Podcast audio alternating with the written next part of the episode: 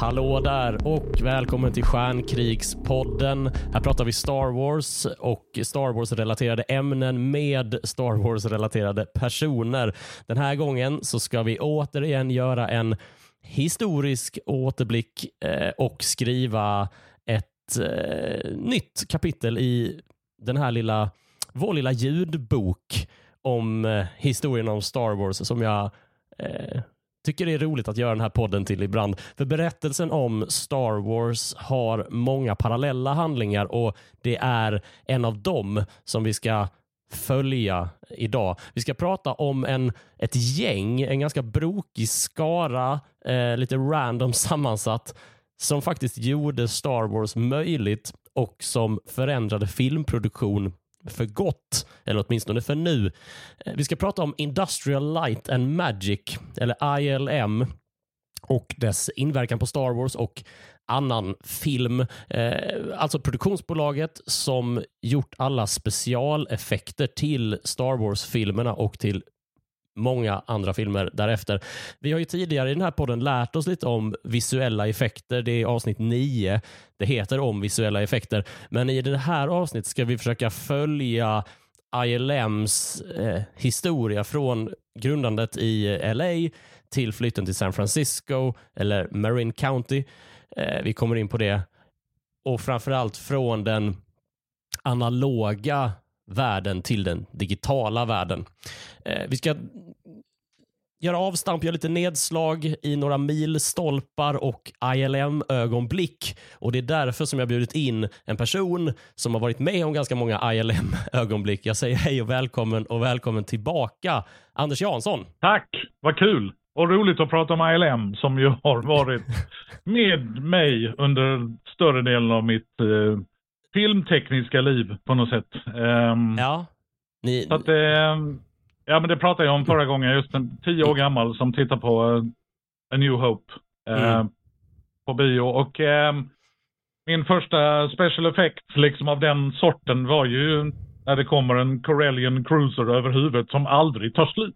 I princip. Ja, och när man är tio så det tog verkligen aldrig slut. Vi pratar öppningsscenen när man, när man i A New det, Hope. Nej, ja. Nej, men när man, när man ser det nu. Mm.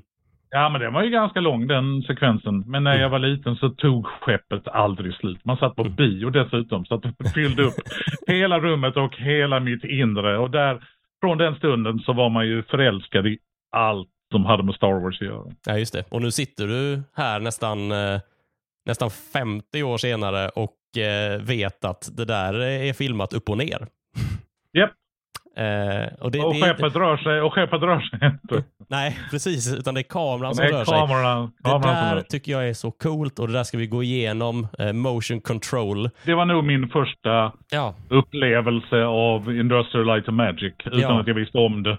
Eh, men där satt man ju i biosalongen. Man var ju helt inne i äventyret och sen typ mm. tredje eller fjärde gången man kom dit. Vi var ju ett gäng liksom. Ja. De som uh, sålde biljetter. Jaha, är ni igen? Ja, vad roligt. Var det något ni inte, var det något ni inte förstod? Det är ju första gången. Ja, ja. allt. Vi fattar inget på ja. allt. Ja, men det var ju um, rätt mycket man inte förstod jag gissa. Alltså framförallt hur, ja, hur, hur man gjorde gör, de? Liksom. Ja. ja. verkligen. Och jag menar, det har ju funnits på tv. Mm. Man hade ju sett äventyrsfilmer, men då var det ju fortfarande Ray Harryhausen-teknik på något sätt. Mm. Alltså mm. det kändes ju som att 70-talet och jag såg ju inte, när jag var åtta eller när jag var ett, så var det inte så att jag satt och såg 2001 på bio. Nej, just det. Um, så jag hade ju liksom inte sett, jag hade inte sett någonting som liknade detta överhuvudtaget på något sätt. Och sen, på den tiden så var det ju, man visste ingenting. Man, är, va, Stjärnornas krig, ja den verkar vara ett succé i USA. Mm. Och nu kommer den hit. Vad är det? Det låter ju coolt. Ja. Vilken cool affisch. Så man såg ju bara den och det var ju typ affischen var det enda, om man nu jämför med idag. Ja. Där du kan läsa på, du kan ju liksom mer eller mindre, man kan ju filmen innan mm. man ens har sett den. Ja. Uh, och det, det, finns ju något kul med det också. Men mm den tiden så visste man inte så lite om hur de gör och vad är detta. Och det var ju verkligen en revolution ja. som skedde framför ens Eh, tioåriga ögonen. Ja. ja, det är så coolt. Vi kommer ju prata om det och mycket mer. Men först så ska jag ber bara berätta att Eh, Stjärnkrigspodden finns till tack vare er som lyssnar och inte minst tack vare er som väljer att stötta podden. Det gör man på Patreon och Swish. På patreon.com stjärnkrigspodden kan du välja en fast summa mellan 1 och alla kronor i hela världen att donera per avsnitt. Gör det. Ju fler stöttare, desto fler nya avsnitt och desto bättre kommer de bli. Swisha, det gör man när man vill. Nu till exempel, ta fram Swish-appen, skriv in nummer 123 141 5199 och en valfri summa. Beloppet går till Punktliga Produktioner AB. Det är alltså 123 141 5199. Gör det. Ju fler som swishar, desto fler nya och desto bättre blir avsnitten.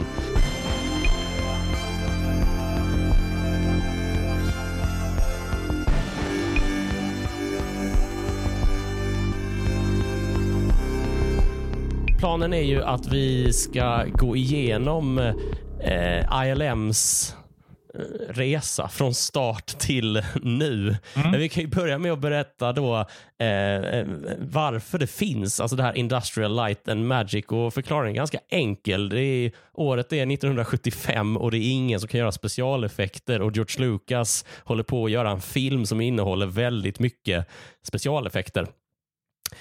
Eh, och eh, Han bestämmer sig då för att grunda ett, eh, ett nytt företag och eh, sätter ihop ett crew av Ja, alltså det, vad ska man säga? Det är pirater, väl... pirater och hippies och det är verkligen ja. den känslan.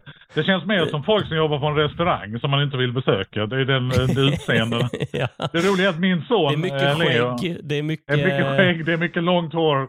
Det är bara överkropp i tajta jeans som... Det är väldigt som få Dennis knäppta skjortor.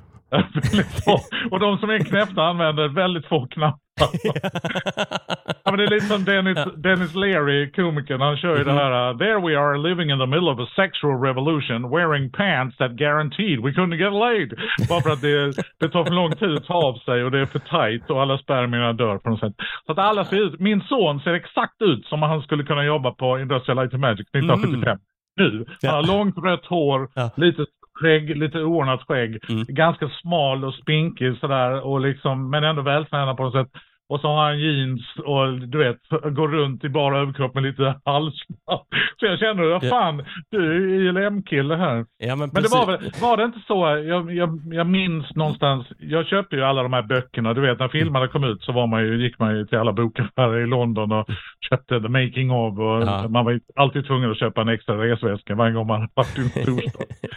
Men eh, då köpte jag liksom den stora boken om Industrial Light and Magic eh, som kom, eh, den kom väl senare. Men eh, där kunde man liksom sitta och återuppleva och sådär. Men mm. var det inte så att han frågade han frågade Douglas Trumbull som jobbade ja. på 2001, 2001, 2001 en stor film. ja. Eh, ja, men precis. Det blev en svensk Space Odyssey helt plötsligt. Ja, ja. Men, men han, han, kunde inte då, för han var Nej. typ upp, upptagen med att göra Spielbergs uh, Close Encounters eller något sånt. Ja, eh, precis. Men han kunde rekommendera en kille som heter John Dykstra. Just det. Eh, och, han, eh, och det kanske också förklarar till varför Två knappar, så... två knappar i skjortan. ja, och det förklaras, långt hår, än idag långt hår. Alltså de ja, ser, alla ser ut som eh, de spelat med Deep Purple typ. Att, nu. eh, Verkligen. Men, Nej, men Led Zeppelin hade lätt kunnat uh, bygga Dödsstjärnan. Ja, ja absolut. absolut. Eh, men de har ju studentbakgrund. Liksom. Man tänker mycket Vietnam eh, protest, protesterare. Ja. Liksom. Eh, och det var de ju säkert också, för det är ju under samma tid. Eh, men han, John Dykstra då, är, han har så här, pluggat så här industri design. Så att han är liksom intresserad av teknik och det är, är ganska många av de andra eh, också. Eh, ja, bygga, by, bygga saker från mm. scratch. Det var ju mm. mycket så att de plockade sönder maskiner och kameror och liksom gjorde sina egna prototyper som inte alltid funkar men de mm. kände ändå, och den, det där tycker jag är så häftigt just att det var inte bara det att de gjorde effekterna utan de gjorde också sakerna som gjorde att vi kunde göra effekterna. Mm, och det, mm. är, det är ju helt liksom superfascinerande tycker jag. Och ja. lika jobbigt då för George när han eh, hör av sig, när han har varit i Tunisien och haft ja. ångest. Ja. Okej, hur, många, hur många bilder har ni gjort? En. En. Eller? Har vi gjort en? Är vi färdiga med en? En! Ja. Okej, jag kommer hem. Jag kom- paniken, paniken är... Ni skulle gjort 400. Hur mycket budget, hur mycket, hur mycket pengar har ni kvar? Men vi har Nej, vi gjorde av med alla pengar. Ja, varför då? Nej, vi var tvungna att bygga en kamera. Alltså man kan ju förstå deras perspektiv också.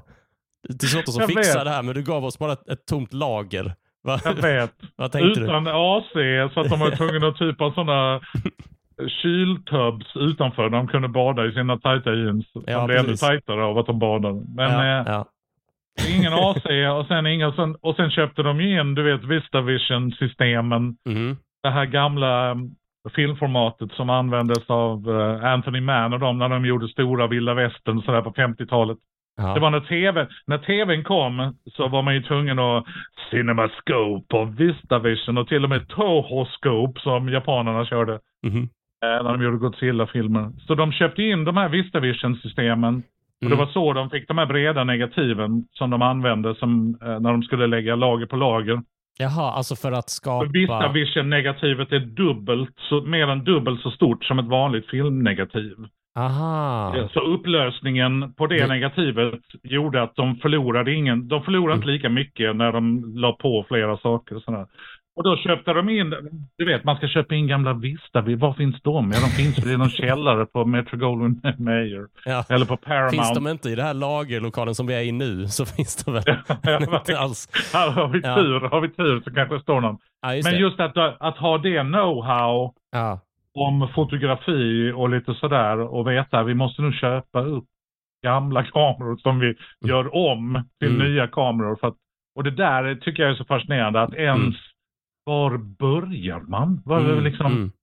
Är det någon som har en skruvdragare? Börjar man där eller var börjar man liksom? ja. Och du och jag har ju sett en, en dokumentär som heter Light and Magic som finns på Disney+. Plus. Det är en serie Ja. om, eh, om det här företaget. Vi kommer referera till den ganska mycket gissningsvis. Men där är det eh, ganska många av de här forna ILM-medarbetarna. Eh, en Mm. heter Dennis Muren som är en liksom, säga, trotjänare. Eh, liksom. Han berättar ganska mycket om att, att Eh, de, försöker, de får väl frågan hela tiden av intervjuaren, men hur gjorde ni? Och han kan liksom bara svara på, nej vi vet typ inte. Alltså det enda jag vet är att om jag hade, om jag hade slutat tänka 59 sekunder tidigare så hade jag inte kommit på hur jag skulle göra. Liksom. Så det, det, de, det är rätt intressant för många av de här, både Dennis Muren och eh, andra, alltså eh, kommer kom namedroppa mycket, men Lorne Peterson och Richard Edlund och sådär. Många av dem har ju liksom gjort så här små specialeffekt och stop motion filmer som barn. Precis. Muren beskriver sig själv som ett effektfan. Att han är liksom fan av effekter. Så de är ju liksom nördar.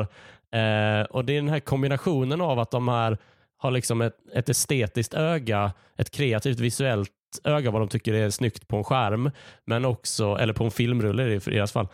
Eh, men också det här liksom tekniska. Och jag tror att det var väl därför George Lucas, han drar nog till sig den typen av personer, för Lucas är ju själv också sån, även om han inte är liksom riktigt tekniskt skillad så vet han ju i alla fall, det här borde gå att göra. Mm. Jag snackar med någon som kan det där så löser det sig. George Lucas var ju liksom James Cameron fast på 70-talet på något sätt. Mm. Eller Peter Jackson liksom. Mm. en, en innovatör och kanske, ja, det går ju aldrig att jämföra rakt av sådär, men det Cameron gjorde med den digitala utvecklingen med Digital Domain och även ILM och Mm.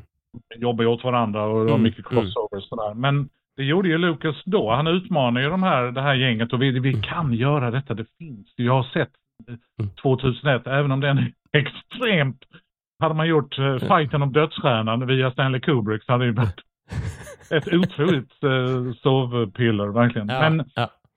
Det coola, precis som du berättar, eh, och i den här fantastiska dokumentärserien på Disney som jag verkligen rekommenderar att alla ska titta på. För den, det är inte bara att man är intresserad av Star Wars utan man får ju liksom filmens utveckling under 70 och Ja, 80-talet. ja, visst. Och där är det så kul, precis det du berättar att ja men vi hittade Phil Tippett eller de Mm. här andra i någon källare där han satt och stop motion en potatis som skulle gå och handla eller, Ja. och de gjorde små reklamfilmer och liksom du vet sådär. Mm. Det var liksom kom, den kommersiella världen där de testade lite liksom lågexponerad relativt liksom olika dansande russin och tomater som ögon och ja men du vet och det är så kul att de ja men han verkar ha rätt inställning. Eh, det är det du pratar om. Just att, och jag tycker också att eh, där tycker jag liksom att filmens, jag gillar det med film. Och kanske, ja men det finns nog fortfarande idag, det är just att den tekniska, och kan du mycket om att göra film, då kan du också göra bättre filmer. Mm, mm. Alltså vet du hur denna linsen reagerar för den lampan eller för det ljuset eller när den skådisen går lite fortare, vad händer då? Mm. Ja men det vet jag för det har jag testat. Du vet, det Mm. finns någonting coolt i teknik plus art Ja. är lika med film på något sätt. Ja, ja, det, det stod ju i lem för uh, In Mm. Spades. Där Ja, och en av de innovationerna är väl en av de första innova- uppfinningarna som eh, gör Star Wars möjlig då. Och det är ju motion control camera som John Dykstra uppfinner också via någon gammal så studentkompis som han har, Mm. har sett då. Eh, och motion control camera eh, har vi nämnt tidigare i eh, eh, den här eh, podden, men eh, det är så värt att nämnas igen. Det är då rörelsekontroll och det går helt enkelt ut på att man loggar hur en kamera rör sig uppåt, neråt, i sidled och i rummet för att då kunna spara den här datan och sen mata in den och kunna få kameran att röra sig på exakt samma sätt igen. Och Det är ju liksom helt avgörande för att få liksom, rymdskepp att flyga genom en miljö för att eh, ska man till exempel göra en eh, liksom striden om dödsstjärnan så behöver du kanske filma X-wingen för sig och eh, själva dödsstjärnerännan för sig. Och om du då ska få rörelse, för det, det får se ut som att det händer i samma värld så måste ju kameran röra sig på exakt samma sätt med samma hastighet. Och det var ju det som var hela tricket. Och det, det har vi, det är ju repetition för er som har lyssnat på den tidigare, det är ju det att eh, i, i många av skeppscenerna i de första Star Wars-filmerna så rör sig inte modellen alls utan det är kameran som rör sig runt modellen och som då skapar eh, känslan eller illusionen av rörelse och det är så genialiskt också för att ljuset förändras ju. Om man flyttar modellen så kommer ju ljuset ändras runt modellen och så funkar det ju inte i rymden för då är ljuskällan en sol eller en stjärna som är fast. Liksom. Och Då återkommer vi till öppningsscenen av uh, A New Hope. Det är ju en stor modell av en Star Destroyer vänd upp och ner. uh, och så rör sig kameran uh, ovanför underskrovet då. Och Anledningen till att den hängde upp och ner tror jag har att göra med att eh, Leias skepp skulle hänga i ett snöre framför så att det skulle se ut på rätt sätt. Mhm. Ja. Ja, det där är, Ja. och det ser, det ser så hisnande ut när man ser det på dokumentären just Mm. att de här jeansmänniskorna med hippiehår Ja. håller på att programmera någonting och så är det bara man sladdar Mm. och det är liksom, vad fan, vad ska detta bli liksom? Mm, mm. Den är liksom otroligt hisnande känslan när man sen ser, aha, nu fattar jag liksom varför Ja. ni gör det på detta vis. Ja. Och där kommer ju också då frågan in, vilken brännvidd har vi på linsen Mm. när vi gör de här speciella, de här shotsen? Mm. Ibland kan man ju, det är ganska, ibland finns det bra extra material, det finns inte så mycket tyvärr nu på streaming. Men eh, när man Mm. har, om man har Blu-ray eller någonting och laserdisk eller Mm. super-VHS eller vad man nu har. Så fanns det ofta, och där kan man ibland eh, få se, Spielberg gör ju tyvärr inte commentaries på sina filmer, men däremot så lägger de in ganska mycket specialeffektgrejer. Mm. Och där ser man en animatronic av, um, ta nu en, eh, eh, inte den mest bejublade Indiana Jones-filmen, men Crystal Skull, då har de Ja. en sekvens som är i um, 51-hangaren, där Mm. arken finns då. Ja, just det. Och så, så följer man animatronic-sekvensen och då ser man vilken brännvidd kameran har, för de antecknar det på varje shot de ja, gör. ja. Och den går ju aldrig över 50 mm. Utan det är liksom, eh, och det är Spielbergs bildspråk. Han Mm. ligger ju väldigt sällan över Okej. 50 eller 70 mm sådär. Ja. Och, och han går sällan liksom super wide angle, lite så Terry Gilliam. Han går ju sällan där. Men det finns ju, bara det att de räknar ut, ja, vad är det för, hur ska vi uppleva detta i rymden? Ja. Ska vi ja. ha lite mer vidvinkel? Eh, Exakt. För då, då blir farten, då blir känslan av fart högre. Ja. Men vi kan inte heller, vi kan inte ha det för förvrängt för då får vi problem antagligen i andra änden med andra element. Och liksom bara sådana saker som man liksom bara tar för givet. Mm. Ja men det, det vet man ju nu hur man gör. Jo men de... Ja. Men det var ju bara för att de hade gjort så många studentfilmer och gjort, Mm. filmat sina småsyskon när de var utklädda till monster i trädgården och sånt där. Ja. De hade gjort så många, de hade begått alla de här felen och misstagen Mm. så att de lärde sig, nej men vi måste, det här måste vara upp och ner. För dem var det inget konstigt att Nej, skeppet är upp utan, Nej. Men när man själv ser det, aha, fan vad, bara det när de filmar eh, Mm. crawl-texten, du vet den bilden när de, ja, alltså, ja. Som ju, vad var den, 16 minuter lång första gången Brian De Palma såg den och bara satt skrattade. När George Lucas berättade hela universums skapelse i början. Just det. Och. Brian De Palma bara sitter George, you're, you're an idiot! Ja. George, you're an idiot! This is not gonna work! That's the worst thing I've ever seen! Sitter Brian De Palma. Men å andra sidan, till hans credit så var det han som hade det längsta mötet med George efter de hade sett, du vet, han, klipp, han klippte in sina dogfight-bilder från andra världskriget. Då tog ju De Palma, De Palma då antagligen efter fyra bag-in-box Mm. tog han ett långt möte med George. Den här crawl-texten, 40 sekunder. Mm. That's it. Inte mer. Ja. Men jag har ju massa Journal of the Wills. Nej, skit det. Det är ingen som bryr sig om det. Sluta. Och det, Just det. det. och den enda som, en trodde, den enda eh, som trodde filmen var ju Spielberg. Och, du vet, när de eh, bytte Ja, ja. poäng. Ja, precis. George, George fick poäng på Close Encounters och Spielberg. The best deal I ever did. Ja, just det. Spielbergs sommarhus. Ja, ja, precis. Ja, vid det laget så tror ju Lucas att uh, A New Hope är en kalkon. Liksom. Ja, ja, Han visst. tror att det kommer att faila big det är precis, tror i princip alla. Ja, ja, Utom kanske då, vad heter han, Allan Ladd Junior som eh, det. hade Ja, någonting. Och Ralph McQuarrie, vi ska inte glömma Ralph McQuarrie, denna Nej. som också var en del i det gänget. Men han var ju liksom en gammal räv som hade jobbat Ja. på Mary Poppins och ritat bakgrunder och, och hur mycket hans kunnande och artisteri Ja. kom in och hjälpte liksom. Ja, så att det blev den här blandningen av teknik och art. Liksom. Ja, precis. Alltså, eh, McCory då som eh, står för nästan eh, design av alla liksom, karaktärer och skepp som då eh, har förfinats och justerats sen av eh, mycket av Joe Johnston som också är en ILM Mm, eh, tidig medarbetare och numera eh, regissör. Vi kommer nog prata mer om honom. Det känns mer som att han är någon slags eh, språngbräda. Liksom. Här är teckningar, så här, Mm. kan ni, så här kan ni göra. Sen fick ju de, ILM-gänget, bygga modellerna ganska mycket själva. Joe Johnston, eh, för övrigt, som då, han är på eh, Art Department, eh, gör mycket skisser och designar och sådär. Eh, regisserar ju eh, både Jumanji, som jag såg igår, Och Rocketeer, jävla bra film. Ja, ja, och Älsklingar krympte barnen. ja, Och, men han gjorde mycket sådana här special effect. Ja, han har Filmer. gjort någon Avengers-film också, Captain America. Captain. America, den första Captain Ja, America. men eh, han, eh, han berättar ju att de hade ju en, eh, en, en eh, broschyr eh, som är väldigt kul från så här US Steel.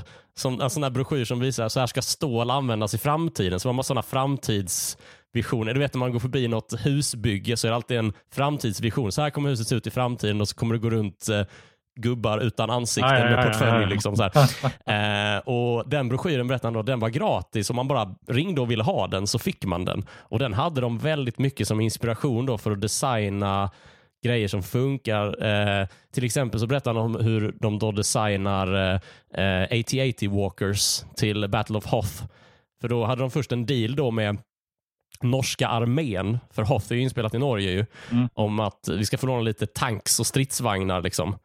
Och så var det någon som sa, okej, hitta på, kan du designa något som gör att det här, som vi kan täcka den här tanken med så det inte ser ut som en tank. Och då Johnston går ju direkt här, ja det kan jag väl göra, men så fort den har, så här, har en larvfötter så kommer folk tänka att det är en tank. Liksom. Och då tittade den här US Steel-broschyren då, bläddrade runt lite, och då var det liksom en, eh, en så här framtidslastbil. Men det var inte en bil, utan den gick på fyra ben.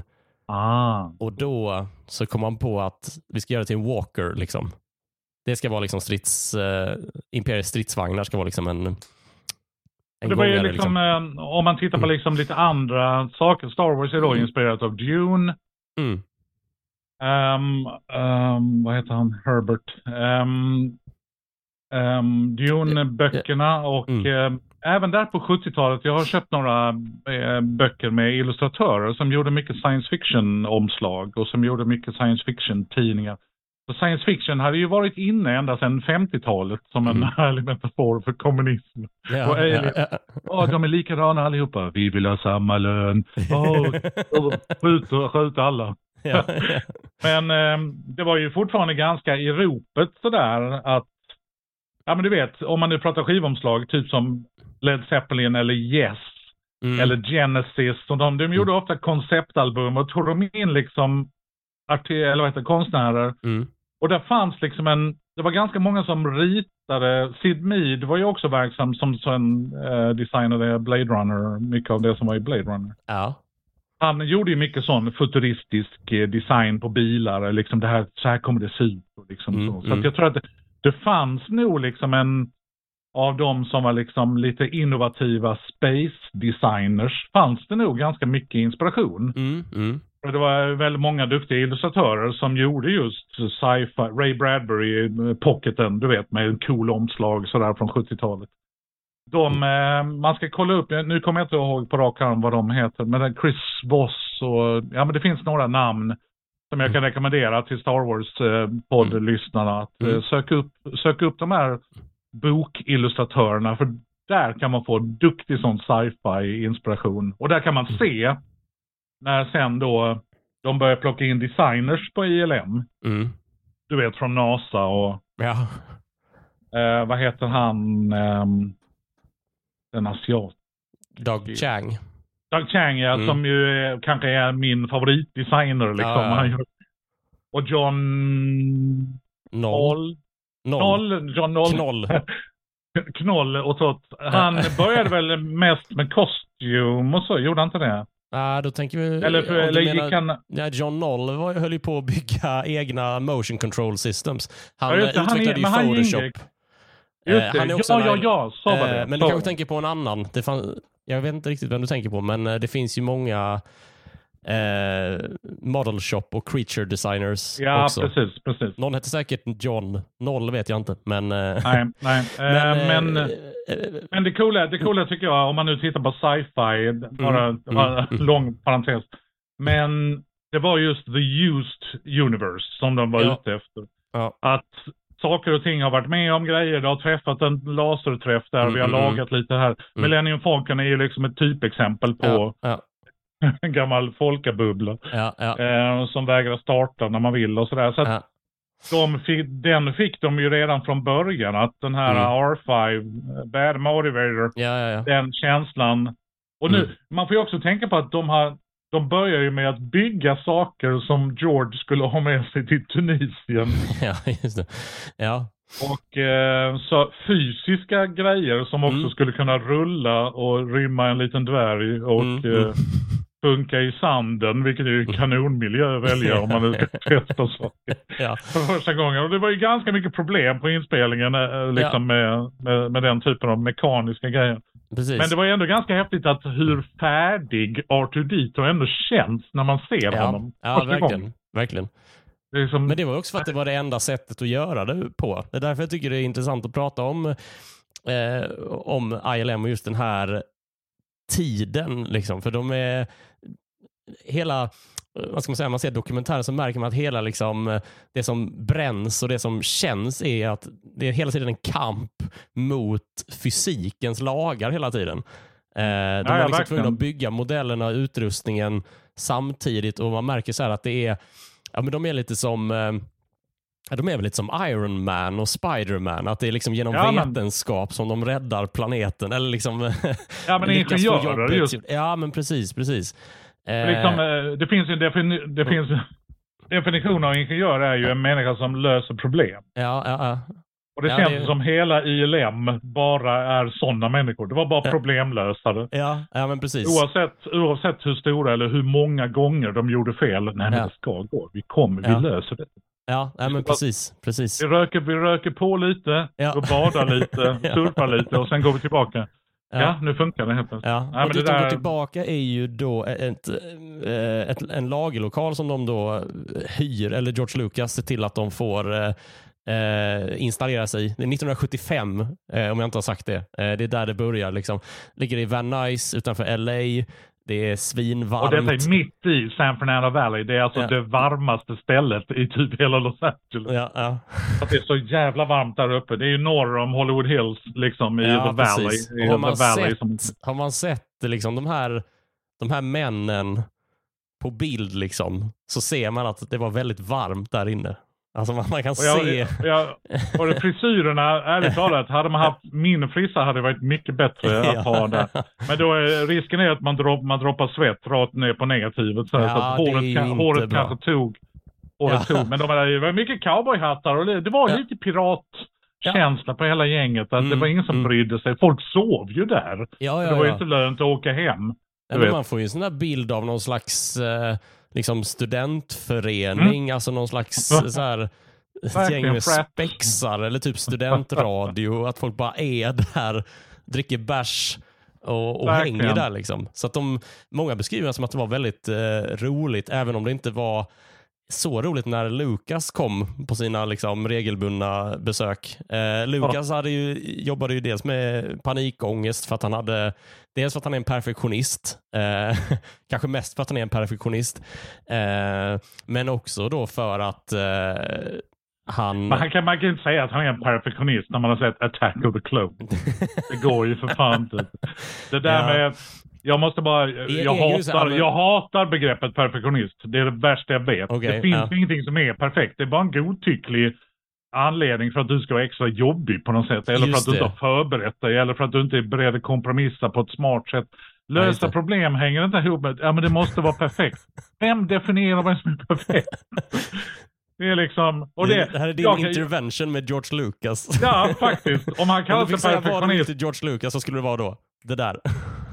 Testa någonting annat än flanellskjortor, George. Någon gång. Då ska du se. Nej, det är perfekt. Jag har provat alla skjortor, alla flanelltjocklekar. Detta funkar ju Alla, Van rut, Night. alla mönster. Detta, detta funkar på Hoff och på Tatooine. Ja. Jag vill ha min flanellskjorta. Alla mönster. Just det. Ja. Ja. men vi, jag har en vit, jag har en, jag har en bluescreen-skjorta så lägger vi in det sen i, på ILM efteråt.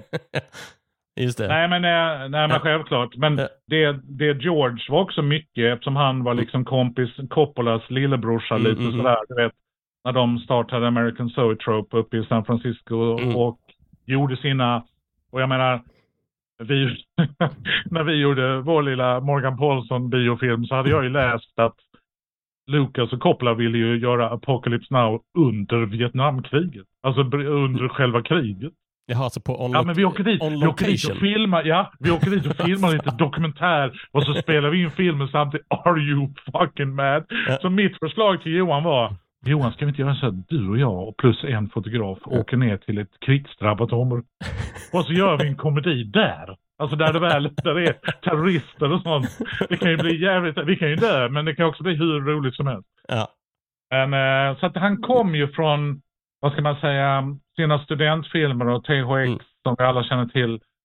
Och där hade han väl liksom kontroll eftersom filmerna Mm. han gjorde var ganska små och personliga. ja, visst. Det var ingen som brydde sig så mycket. Men Nej, sen när han precis. då liksom, han tog steget upp och så fick han göra American Graffiti Mm. eh, för att han, hela den biten av hans barndom. Mm. Och så gick den bra och Ja. då liksom, jaha, vad ska jag nu?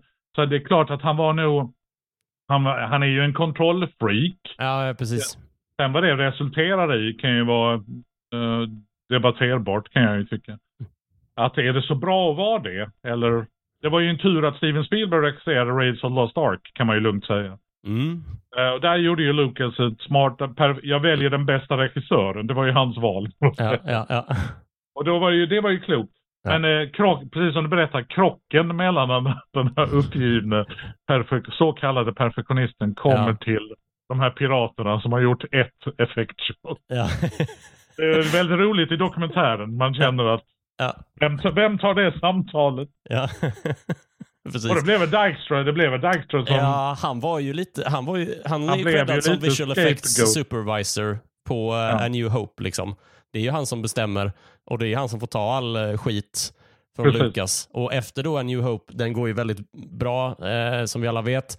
så uh, vill ju Lucas flytta hela ILM från uh, LA och Van Nuys upp till uh, San Francisco där han har sitt liksom, hem och sin bas. För det är också en del av Lucas sån här, jag vill inte vara med Hollywood-etablissemanget. Liksom, utan här är ju varmt och ingen gillar mig här. så Ja, jag, tar, jag tar mitt företag och flyttar helt enkelt. Jag tar mina flanellskjorta, eller min flanellskjorta. Jag har bara en. Eh, och sen flyttar jag helt enkelt. Ja, Men, och då eh, bjuder han ju med sig alla utom John Dykstra då. Eh, och det får ju de också förklara, både Lucas och Dykstra i den här dokumentären. Och eh, Då får jag väl vara liksom journalistiskt korrekt och säga att George, enligt George så blev Dykstra för arg när han var under press. Eh, och Det kanske är liksom en ny reaktion för George som mest blir tyst och får eh, ont i hjärtat. eh, och enligt Dykstra själv så förklarar han bara så, han säger bara att jag var för ung.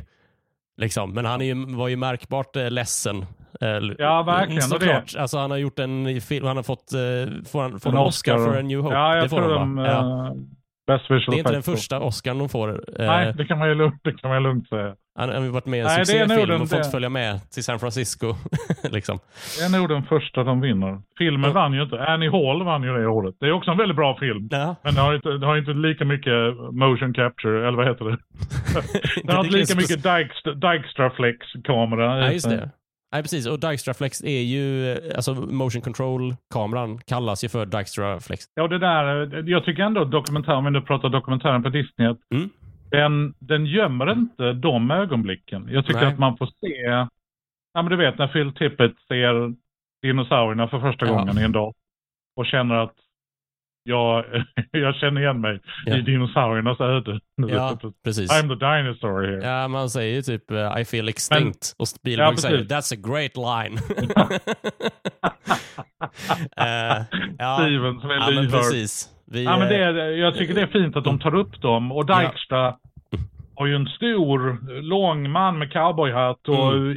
mm. var liksom eh, center of the attention hela tiden. ja, Han var ju också en karaktär som kanske inte riktigt George klickade med på det sättet. Liksom. nej, men troligen inte. Eh, men sen, ja.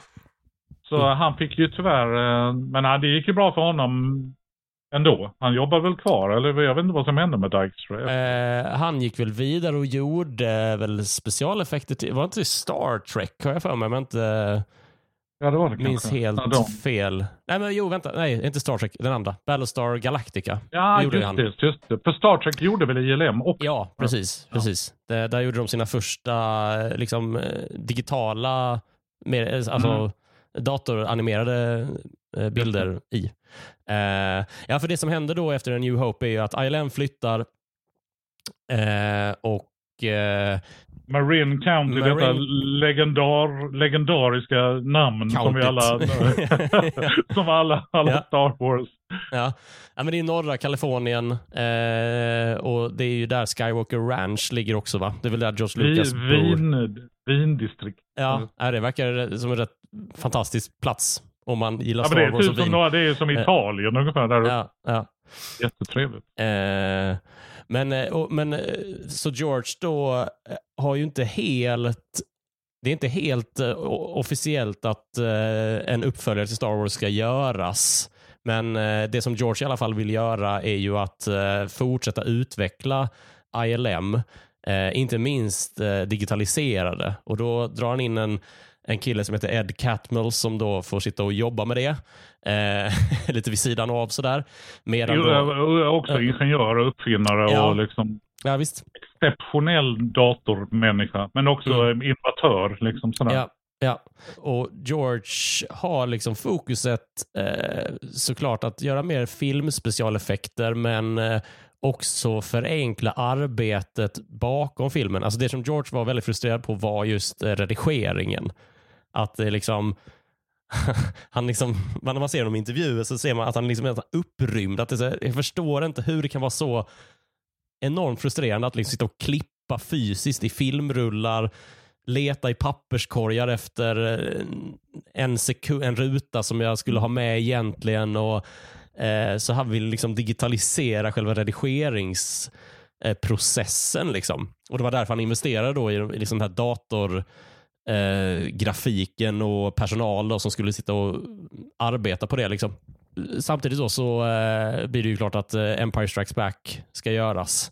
Och eh, då ska ju specialeffekterna bli ännu bättre och vara ännu fler och ännu mer eh, avancerat. Ja, och nu, har de, eh, nu kan de vissa sa- saker. Nu måste Ja. de höja ribban för att Mm. vad, är det vi, vad är det vi inte kan? Ja. Och hur gör vi det? Liksom. Ja. Och det är precis som du vet, Catmull som sen då gick vidare och, med Pixar och hela Ja. den baletten. Som ju George startade i princip. Sen sålde han Mm. det till Steve Jobs. Ja. 10 miljoner dollar. Men, eh, ja men du vet, hela redigerings, vad nu den hette, den sviten som han kommer på. den Ja, heter digitala. det inte Edit Droid, tror jag den hette. Edit Droid, ja, Ja. precis. Och specialeffekter och digitaliseringen. Och här ska man ju då, um, eftersom jag, um, jag växte upp i parallellt med, liksom på 80-talet där när jag var tonåring, Mm. min kompis Kalle Åström som nu är en av uh, de som ansvarar för AI på Lunds universitet. En Ja.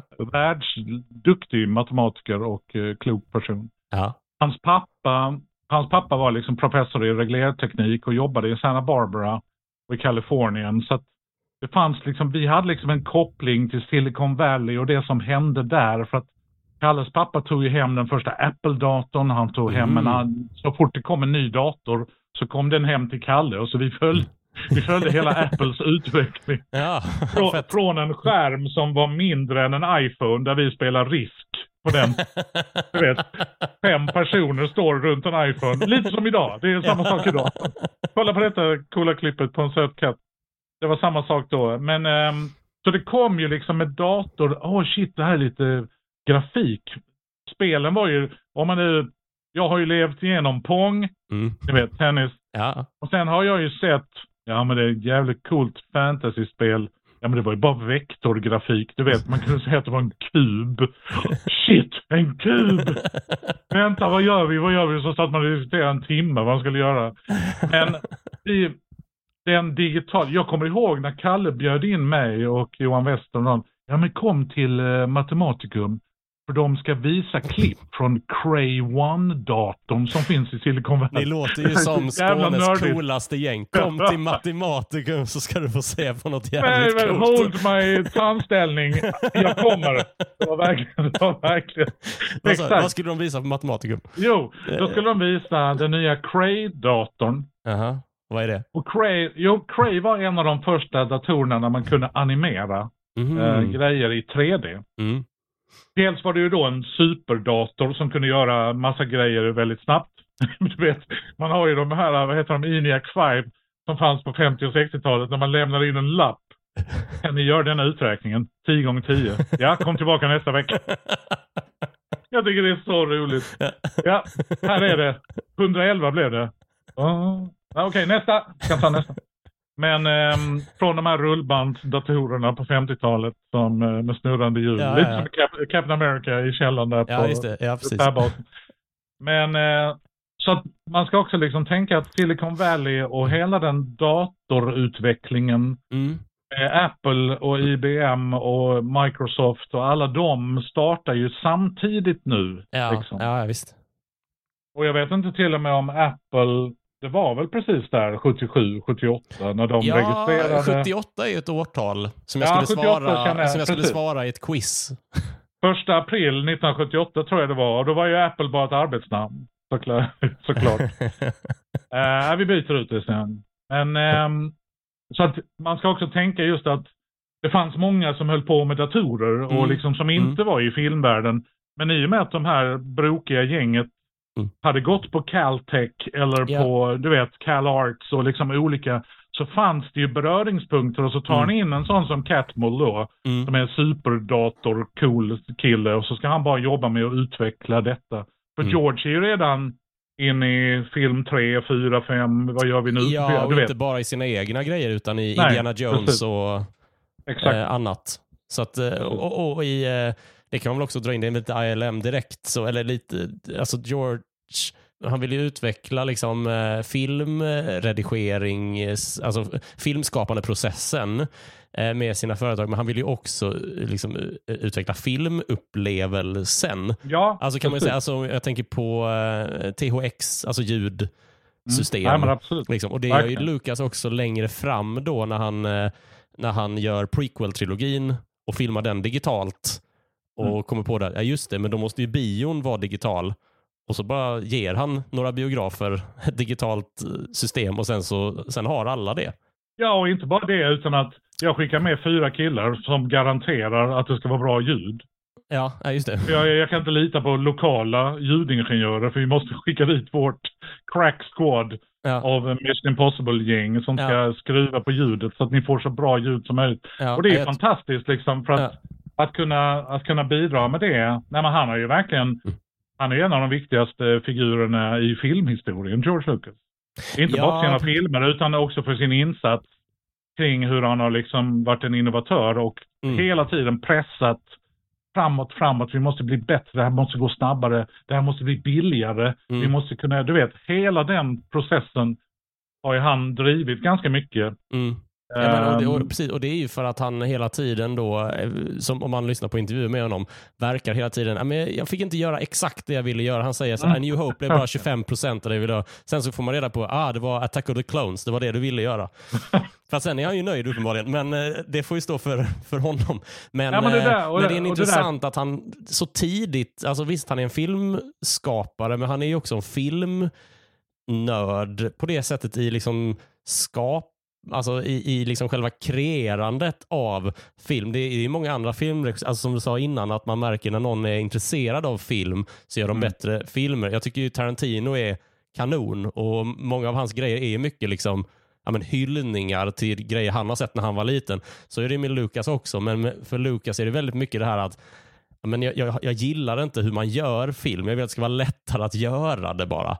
Eh, och det liksom trycker han eh, trycker han på. Ja, han är ju säkert inspirerad av ganska många av dem på eh, ILM. Liksom. Alltså, ah, vi har en kille som Ja, ja, gjorde ja. så här. Eh, kan man inte göra det i en dator istället? Jag tycker att en av de bästa dokumentärerna bakom, det var den de gjorde inför Phantom Menace. Det finns en timslång dokumentär. Ja, just det. Den heter väl bara Making of eh, Ja, precis. eller Något The sånt. Beginning eller något sånt. Jag, jag, Ja, jag är rätt säker på att jag har sett den i alla fall. Ja, men den, den finns med på extra material. Och den Ja. är ju skitkul. Det, det är så sött också, för då går han, Spielberg, han har med sig Steven, Steven kom kolla, kom, kolla, kolla på detta. Detta är en battle droid, kolla in så jävla cool han säger Roger Roger. Och Spielberg, ja fy fan vad cool, det var ju superkul. Han är precis rätt person att berätta sådana saker. Ja. Åh fy fan, det är det coolaste jag sett. Ja. Ehm, och där känner man just att det finns fortfarande den här pojken som tycker Ja. det är cool med, och där har vi kanske också Georges stora, om man nu är perfektionist, Mm. han är ju inte perfektionist vad gäller personregi. Det kan man ju Nej, säga. nej, nej, nej, visst. Men man ser ju jättetydligt vad som är hans eh, vad som är hans eh, grej. Liksom. Alltså, Ja. Kan man göra film utan människor så gör jag helst det. Liksom. Eh, Och eh, den klassiska regi, faster, more intense, Ja, som ja. var i princip det enda han sa. Å andra sidan är det en väldigt bra replik när man gör film. ja. Så att ofta tar skådisar alldeles för lång tid på sig att säga saker och röra sig. De tror liksom, är det bara den här bilden? Nej, vi klipper ju ihop ganska många olika bilder, inte bara på Mm. dig. Va? Ehm, nej, så att, faster, more intense. Men det han gjorde tycker jag, och det fick han ju hjälp med, vem det var nu som castade Star Wars. Ja, jag kommer inte ihåg vad han heter, men... Eh, Ja, men det var ju några, Ja. av, de, några av de stora namnen ja, där. Spielberg var också med. Med Ja, ganska mycket precis. input har jag förstått också. Precis. Eh, ja, och jag tror att de, var det inte så att de castade Carrie och Star Wars samtidigt? Alltså Brian De Palma och George. De hade ty- eller var det kanske Indiana Jones? Ja, det var i alla fall någon sväng där. Eh, Där det ja. var vissa skådisar som var i snacket sådär, ja men hon är skitbra, såg du Ja, henne i den ja, ja. pjäsen? Och så gick de ju runt och det finns ju ganska mycket klipp på castingprocessen i Star Wars sådär. Och där Mm. känner man just att George hade ju tur att få eldsjälarna Mark Hamill, liksom, som är ju en jävla underbar person även Mm. nu. En Mm. helt sagolik människa på alla sätt och vis. Mm. Och är verkligen den där äh, unga personen som har drömmar i filmen. Han är ju verkligen... Ja, ja. Och sen får han den jävla snickaren som langar uh, marijuana, Harrison Ford. Och en supersöt eh, dotter till alkoholiserade showbiz föräldrar. Ja. Och sen hela Englands hammer elit i Peter Cushing. Men Ja. han lyckas ju på något sätt och så får han ju liksom Alec Guinness med på Mm. detta som höjer filmen ganska många snäpp. Ja.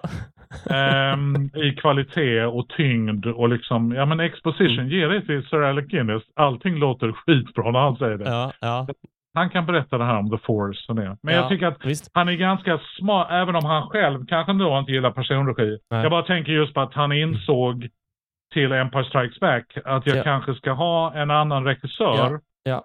Från nu när jag är producent och i Mm. princip satsar alla mina pengar som jag har tjänat på Star Wars. För att omsätta dem i ännu mer eh, inkomst förhoppningsvis. Men Mm. då anställer han ju en annan regissör som är en typisk personregissör. Ja. men det är, Eh, det och det är ju jävligt smart. Absolut, Liksom. visst är det det. Ja, ja men precis. Eh, Irving Kirchner eh, då. Men det är just när man pratar om George tycker jag att han är, han är ganska duktig på att hitta talanger Ja, exakt. som han känner att han kan delegera till. För, att, Ja. och det är ju helt, för mig är det ju det, det film går ut på. Mm, Omge, mm. och nästan, nästan allt i livet. Mm. Omge dig med människor som gör dig bättre. Ja, absolut. Omge dig med människor som fan är bättre än vad du är på jävligt många olika saker. Ja. Då höjer man sig själv. Ja, Och liksom den talangen, där är ju George Mm. ganska duktig att, ja, att upptäcka liksom Ben Burt och liksom de Mm, här mm. geni, genierna. ja. Som vi nu i efterhand, ja men det är klart att han ska få en Oscar. Jo men det var ju ingen som visste när han satt i någon jävla Nej. jordkällare. Och George tycker att du borde bli ansvarig för alla ljud vi gör. Ska vi inte göra egna ljud? ja. Kom, jag ska berätta. Ja. Alltså att ha det, och att, och att också satsa pengar på det. Ja. Alltså att det, Ja. George tar ju, precis som Coppola. Ja. Coppola så förstörde ju sina två Gudfadern-statyetter när han gjorde Apocalypse Now. För det var ju hans egna pengar som Marlon Brando Ja. brände. Marlon brände Ja. ehm, i djungeln där. Så att eh, George satsar ju ganska mycket av sitt eget kapital. Liksom. Mm, mm. Ja, Ehm, precis. Och han är väl en sån eh, som, eh, men som du säger, som är duktig på att liksom, också konservera talang, eller behålla talang. Liksom. Ja. Eh, han, eh, jag menar att, eh, att, liksom, eh, att han bjuder med hela ILM-gänget. Jag tar inte bara mitt företag och tekniken, utan han nej. förstår ju att de här personerna är liksom intimt kopplade till tekniken. Eh, och, eh, ja, men, och en av de personerna är då eh, Phil Tippett, som är liksom en modellbyggare och stop motion animatör och expert. Och e- eftersom vi skulle gå igenom lite så här ILM-ögonblick så är eh, The Battle of Hoth är ett sånt för mig. Att eh, alla walkers är liksom stop motion animerade. Eh, och alla tantans. också. Och där är också otrolig, alltså bara det här att animera de här walkersarna, att konstruera modellerna så att, att liksom, när jag rör ett ben så är det liksom en, en kolv som åker upp på det sättet och eh, jag behöver inte flytta den för jag har byggt modellen så att den ska liksom röra sig. Eh, och att han får liksom sitta där med sina små modeller och bygga och sen liksom sätta ihop hela den här sekvensen som eh, ja, men den ser ju helt fantastisk ut. Alltså, eh, Verkligen. det var ju inget, man tänker inte, man ser eh, Empire Strikes Back så tänker man ju inte att eh, eh, AT-AT Walker, så, här, ah, ja, de, var ju, de där ser bara ut att vara 40 centimeter höga. Nej, Utan man får ju verkligen, de är så enormt duktiga på att luras. Liksom. Ja, det här Eh. med att de filmade i slow motion så att Ja. man ska få tyngden. Ja. Och sen då, nu när vi, om vi nu pratar om ljudeffekter, Ja, en person som ju verkligen lyfter hela ILM, det är ju Mm. Ben Burt med sina ljudeffekter. Absolut. Han säljer ju, han säljer ju ljudet av varenda lasergevär eller ja, ja, ja. lasersvärd eller varenda Mm. i TNT. Mm. Jag älskar ju de bilderna på ILM Mm. där man ser Hoth Planet, Ja. sex gånger sex meter Ja. och så är det en lucka i mitten Exakt. där någon, där någon, där någon håller på, Ken Rolston eller någon annan Ja. håller på att ändra en liten pinne Ja, och ner med luckan, ta en bild, ja. Ken, ja, tar vi Genom en nästa. annan lucka. Ja. Ja, det är, det är så, så, Nej, men för det är en så, jag tycker det, ILM tycker jag lanserar en slags eh, ny, nytt bildspråk på film. Eh, och just i synnerhet film som jag tror att du har sett ganska mycket av. Eh, där liksom varje filmerna har eh, liksom deras kännetecken är en viss specialeffektscen. Alltså med Empire Strikes Back så visst, I am your father, men jag tycker att liksom Battle of Hoth och Cloud City, det är liksom det här att man ser det framför sig. Och det är inte bara Star Wars-filmer, det är också, tänker på E.T., postern är ju den här cyk flygande cykelscenen. Liksom. Absolut. Den har också ILM gjort. Och uh, sen, uh, alltså, uh, Raiders of the Lost Ark. Uh, den, alltså jag kan inte säga det om kanske allmänheten, men jag minns att när jag såg den filmen så är en sån scen som verkligen sitter kvar är ju alltså när de öppnar arken och liksom spökena flyger ut och han nazistens ansikte smälter Tott, ja. Tott, ja precis. Ja, och det tar de ju också upp i dokumentären, så jag är väl lite biased av den. Eh, att Spielberg liksom förklarar hur de gjorde den scenen, och, eller Richard Edlund som jobbade på ILM förklarar hur de gjorde den eh, scenen. Eh, men det är liksom, och det är också den här eh, vetenskap, så här, ah, men vi har gjort en mask, om vi värmer upp den så smälter den och så har vi gjort ett skelett under och sen så filmar vi det bara jävligt långsamt och sen spelar upp det fort. Ja, det är så jävla coolt för att just hur Spielberg berättar Ja, jag är ute efter detta och sen hur de blandar liksom de analoga ja. special effects. Du vet när de får mm. blixtarna genom bröstet. Ja, ja. De här tyska soldaterna som mm. står och filmar detta och tittar. Mm.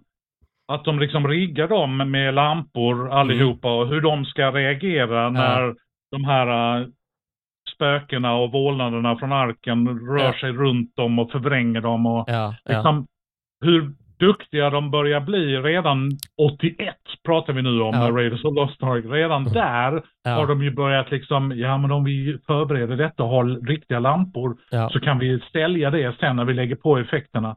Och just att vi filmar i vatten av de här skådespelerskorna som simmar och så plockar vi bort det och så bluescreen och sen så lägger vi in det. Och så, ja. Det är så otroligt innovativt. Och jag, nej men man minns ju den scenen. Det är ju min favoritfilm, alla kategorier mm. Um, så den har jag ju sett, jag vet inte, mest gånger av alla filmer tror jag. Mm. Uh, utom Toy Story kanske, för den, min son såg på den när han var fem. Så den har jag sett 900 000 gånger. Jag är väldigt glad att den är så jävla bra. Ja, ja. jag, hade inte klarat, jag hade inte klarat att se någon sämre barnfilm. Ja. Men um, man minns ju, jag minns ju liksom magkänslan man hade när hela det med arken. Ja, ja, ja. Och det är, det är så jävla snyggt regisserat för att Spielberg, mm. de öppnar den mm. Och så blir det helt tyst. Mm. Och så kommer det här det ljudet och så ett pip som ligger otroligt högt. Ja. Och sen när han tittar ner då börjar liksom ja. de komma ut de här äh, flygande spökena. Ja, det är så otroligt snygg sekvens och sen när locket landar, snacka om liksom closure. Ja, ja, ja. Ty tydlig bild. Och sen då Williams, Williams musik som ju också säljer. Det är ju Ben Burt och Williams som liksom säljer ILMs grejer. absolut, absolut. Och allt det här um. tack vare att det tar så lång tid för George Lucas att skriva filmmanus. För det är det som ILM gör nu. att eh, Vi behöver Lucas, något att göra. Vi behöver något ja, men Lucas, det säger han ju själv, alltså apropå att behålla talang. Att så här, jag måste ju ha, se till att de här killarna har jobb medan jag skriver min nästa Star Wars-film. Och då kommer man på, ja, men jag har ju kompisar. Eh, jag har en kompis som heter Steven Spielberg och jag har en idé om en äventyrare. Då, då, får de göra effekterna till dem. Och det tycker jag är så jävla coolt att eh, man liksom tänker på en, en, en, klump med filmer så är det mycket ILM som är Mm. Visst, Lucas kan, är en gemensam faktor, men, men Nej, det är just det är de... alltså, om vi pratar bildspråket och formspråket mm. så är just ILM-grejerna, ja och sen är det ju mycket John Williams eh, är också med Nej, där. men det, men, finns, men... det finns ju verkligen en through line, precis som du ja, säger, i, ja. i slutet på 70-talet, början på 80-talet. Ja. Och sen in på 90-talet, men då Absolut. är det ju det digitala på något sätt. Ja. Men där kan man ju följa ILM och de här böckerna som de gör ju ofta en kronologisk film by film så här liksom. Ja, du höll upp någon Ett... stor, eh, det är ju liksom en masonit-ski. Ja, det finns, den här är lite nyare, The Art of Innovation, Industrial ja. Magic.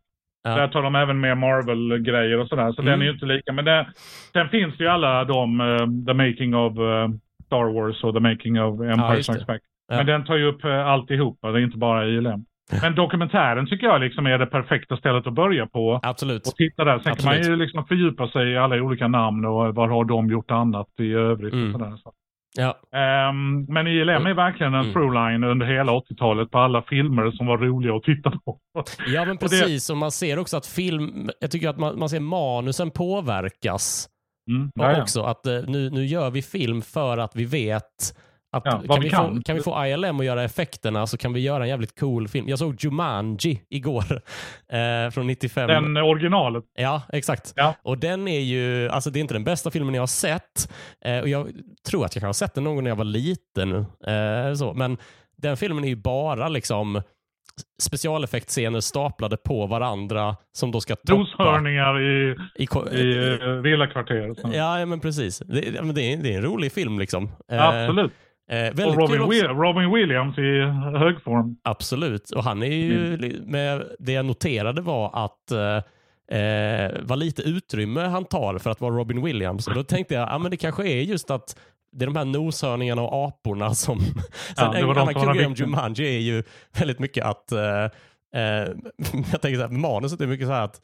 Eh, vad hände med Alan Parrish, alltså Robin Williams? Han försvinner ju in i spelet när han är liten och alla tror att hans far har dödat honom. Att manuset är verkligen så här, eh, jag tror att hans pappa gör, gjorde det, att han styckade upp honom och liksom gömde delarna. Så ser man så här, rating, sju år plus. och det är så himla mycket, alltså styckmord nämns så många gånger. I den, alltså jag säger inte att eh, det spelar väl ingen roll eh, så, men, men ehm, Det var, han- mer, och den här- det var lite mer tillåtet på 80-talet. Ja, men precis. Och att eh, också inställningen till eh, vapen också. Att den här eh, jägaren från spelet, eh, Mm. Vem spelar honom? Vem, vem spelar honom? eh, det Jonathan? Hyde, samma som spelar pappan. Ah, ja, ja. Att han, liksom, han kommer in med, först med någon sån eh, gammalt 1800-talsgevär. Sen går han till närmsta vapenbutik och köper någon sån svinstor maskingevär och bara jagar dem. Du vet, tänk en sån kille i tropikhjälm.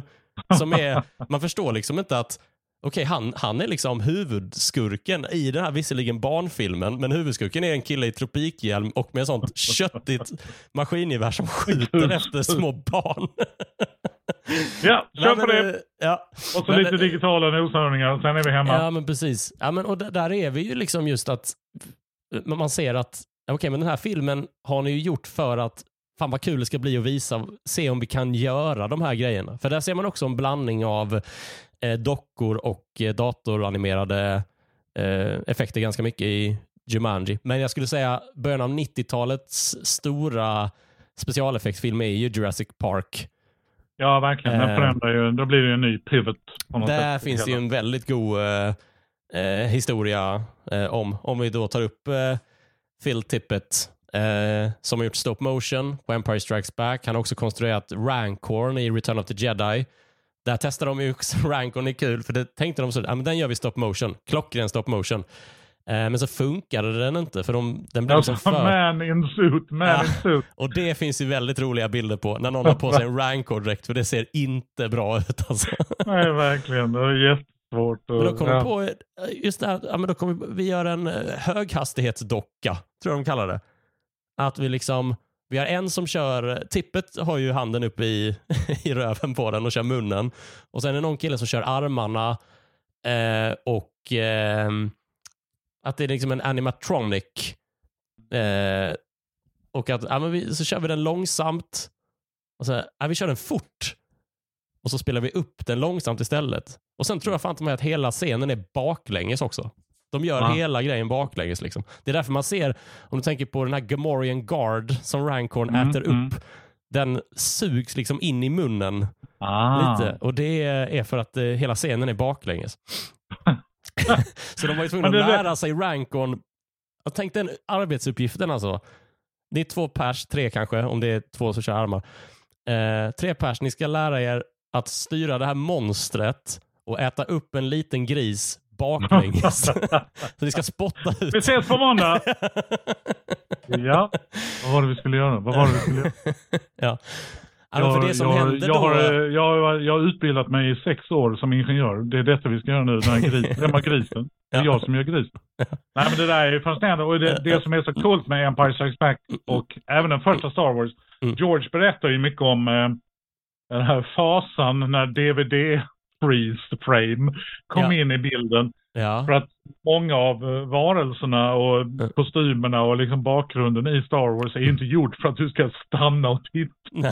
Utan det är kameran panorerar över några scenskolemänniskor som har masker på sig. Ja. Och det, vi ska inte se dem mer än det. Utan, Nej, det. Vänta, vänta lite, frys bilden, gå tillbaka en bild. Ja. Där.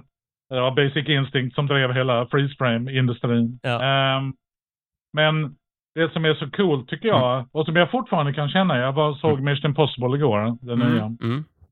på bio. Såklart. Ehm, och det är ju blandningen av creature, analog Mm. och liksom visual effects-biten. Där de bästa filmerna som ja, men Star Wars, Empire och Mm. Raiders och de som har överlevt. Ja, och även Blade Runner som ju kommer 82 med, eh, det är väl Douglas Trumbull som jobbar på den eller Richard Edlund. Nej, men det är någon Mm. av dem, Trumbull är det nu. Ehm, den är ju också helt sagolika visual effects i den filmen. Men det var ju för att Ridley Scott, när han gjorde Alien, han har ju sett Star Wars. Du vet. Fan, det är ju skitbra film. Och den Mm. känns ju eh, liksom, det här använda universum, det där vill jag också göra. Fast Mm. jag gör en skräckfilm, jag Mm. gör en skräckfilm istället. Men det var ju ändå liksom samma vibbar sådär i olika effekthus och Alien var säkert inblandad i Blade Runner också på något sätt. Ehm, men man känner just den här blandningen av, och det är därför det är så underbart med Yoda i Empire Strikes Ja. Back, som Ja. är liksom kanske det tydligaste. För du kan ju tänka dig, ja, vi har lite eh, stop motion där och sen har Mm. vi visual effects och det här Dijkstra, skitcoola grejer. Och sen ska vi ringa en kille från Mupparna. Kan någon ringa, kan någon ringa, kan Ja. någon ringa Frank Oz? Ja. Jaha, varför då? Jo, men jag vill ha en docka här som ska vara en av de mäktigaste i hela ja. ja. en docka som är åt- 90 centimeter lång och är gammal och gaggig. Okej, vi ringer Jim Henson och frågar, kan vi låna Frank Oz? Och extra materialet på Empire Strikes Back, Mm. jag, jag, alltså jag skrattade i fem minuter. Jag satt helt själv och det finns en sekvens där de håller på att ställa in kameran på Yoda. ja. Då byggde de ju ett golv, Ja. så som Mupparna, de var ju experter på detta. Hur Mm. ska vi kunna sköta honom? Vi är tre personer och så är det någon med fjärrkontroll som är vid sidan. Eh, men Frank sköter liksom huvudet och lite så. Men så bygger man ett golv så att Frank kan vara under golvet. Och så är det Yodas lilla hydda på Teiguba. Ja. Ehm, och då är det en sekvens där kameramannen säger till eh, Frank, can, can Yoda look at the camera? och då hör man ju ner från golvet. Where's the camera? "Well, I don't know where the... Och då så tittar Yoda. Alltså, Yoda tittar till höger och vänster. Och då blir det helt, då blir det mycket mer julkalender från 1978. För han ser verkligen ut som ett sånt Micke-troll sådär. Jag inte riktigt vet. Och det är noll jedi. Det är verkligen, han ser, han, han ser ut som han är inne på sin åttonde stroke eller någonting. Det är så jävla komiskt. Jag ska inte, försök googla på detta. Googla Ja, det är- på Yo- Yoda-test, Empire Strikes Back, Camera. Ja. Jag vet inte hur man hittar den. Men det är Mm. bland det roligaste jag sett i mitt liv. Då känner man, om man är assistant camera operator, Ja okej, Star Wars var ju bra men kommer detta verkligen? Kommer det hålla? kommer det Och så hör man funka det här som de alltid pratar om i de här dokumentärerna. Så här, vi visste att vi måste få dockan att funka. Funkar inte dockan så Funkar inte dockan, funkar inte filmen. Ja, men no pressure George. Det är du som har ringt in Frank Oz. Ja. George, det Men var, bara liksom, kom ihåg att och det det var du coolt. som dödade Obi-Wan Kenobi. Det är, bara ditt fel. Exakt, exakt. Det är nu ditt straff kommer. The Ja. curse of Alec Guinness. Ja, ja, Men, visst, eh, visst. Och det är också roligt i dokumentären när man får följa liksom designen av Yoda och att han tog från sitt eget ansikte. Ja, ja, ja. och Stuart lite Einstein, Freeborn, lite, Ja. ja. och lite Einstein och lite sådär. Ja, ja, hur de kul. designar i sin creature shop.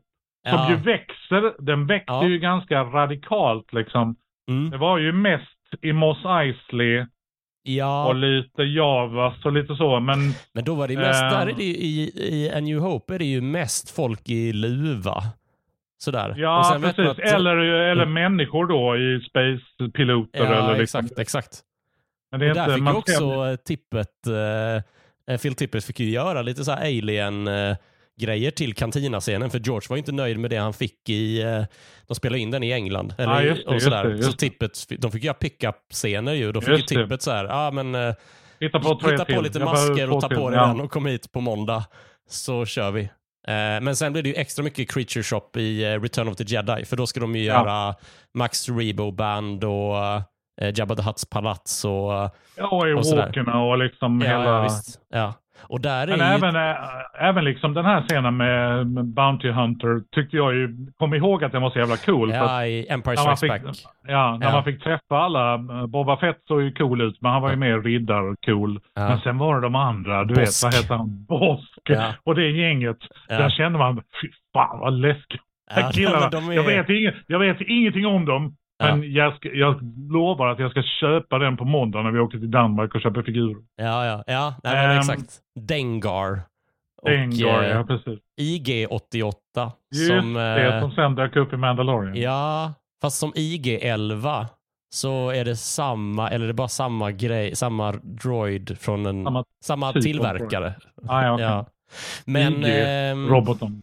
precis. Eh, men apropå eh, grejer som ska säljas så är ju dinosaurierna i Jurassic Park det blir ju liksom en, en till milstolpe för eh, ILM, för då har de ju kommit väldigt långt i dator eh, eh. Eh, men det är redan klart. Tippet ska ju stop motion animera dinosaurierna. Det är ju liksom, det ska ju, Ja, ja visst. det, det ska bli hans så här, Spielberg ska göra en film med dinosaurier och eh, det ska Tippet eh, då eh, stop motion animera. Och, eh, men då har de också kommit så pass långt i datoranimeringen att eh, två killar, en som heter Spats Williams och en annan som heter Mark Dippey, sitter i ett eget rum, I ljudisolerat. Ja. I källaren. Och, Och lyssnar på hårdrock.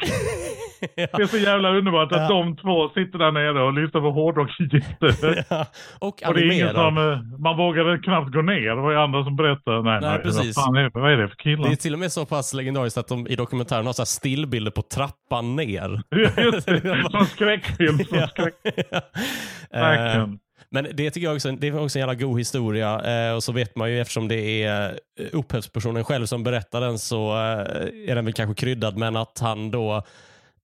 Det, det är en så intressant grej att de sitter där och animerar och eh, hur kan man liksom förfina eh, bilder? För det är mycket det animeringen går ut på. Att vi ska bara förfina filmen. Effekterna är fortfarande dockor och sånt men vi ska liksom göra liksom dinosauriehuden lite snyggare och blurra den så att det inte ser så mycket ut som en docka och så. Eh, men det är ingen som liksom i ledningen som tänker att vi ska animera dinosaurierna helt.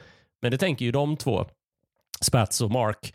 Eh, så de ser till att animera liksom ett, eh, ett T-Rex-skelett.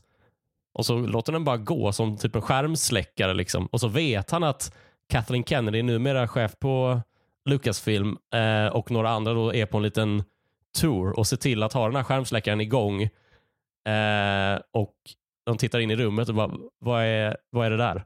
What's going on? Ja, eh, och det blir liksom eh, den första animerade dinosaurien och sen gör de ett screentest och de bara, ja, men, fatta den, sitta i den, eh, den screeningsalongen och bara se en Ja, ja, T-Rex verkligen, gå. Och inse, för det är också folk som berättar att ja, men okej, nu är vi ju helt, nu kan vi göra precis vad fan vi vill ju. För att det där är liksom det, det som jag tycker är intressant att göra, eh, prata om ILM för, det är just det här att de gick från att dikten var beroende av verkligheten, alltså av fysikens lagar för att göra liksom de här fototekniska grejerna med Star Destroyers och sådär.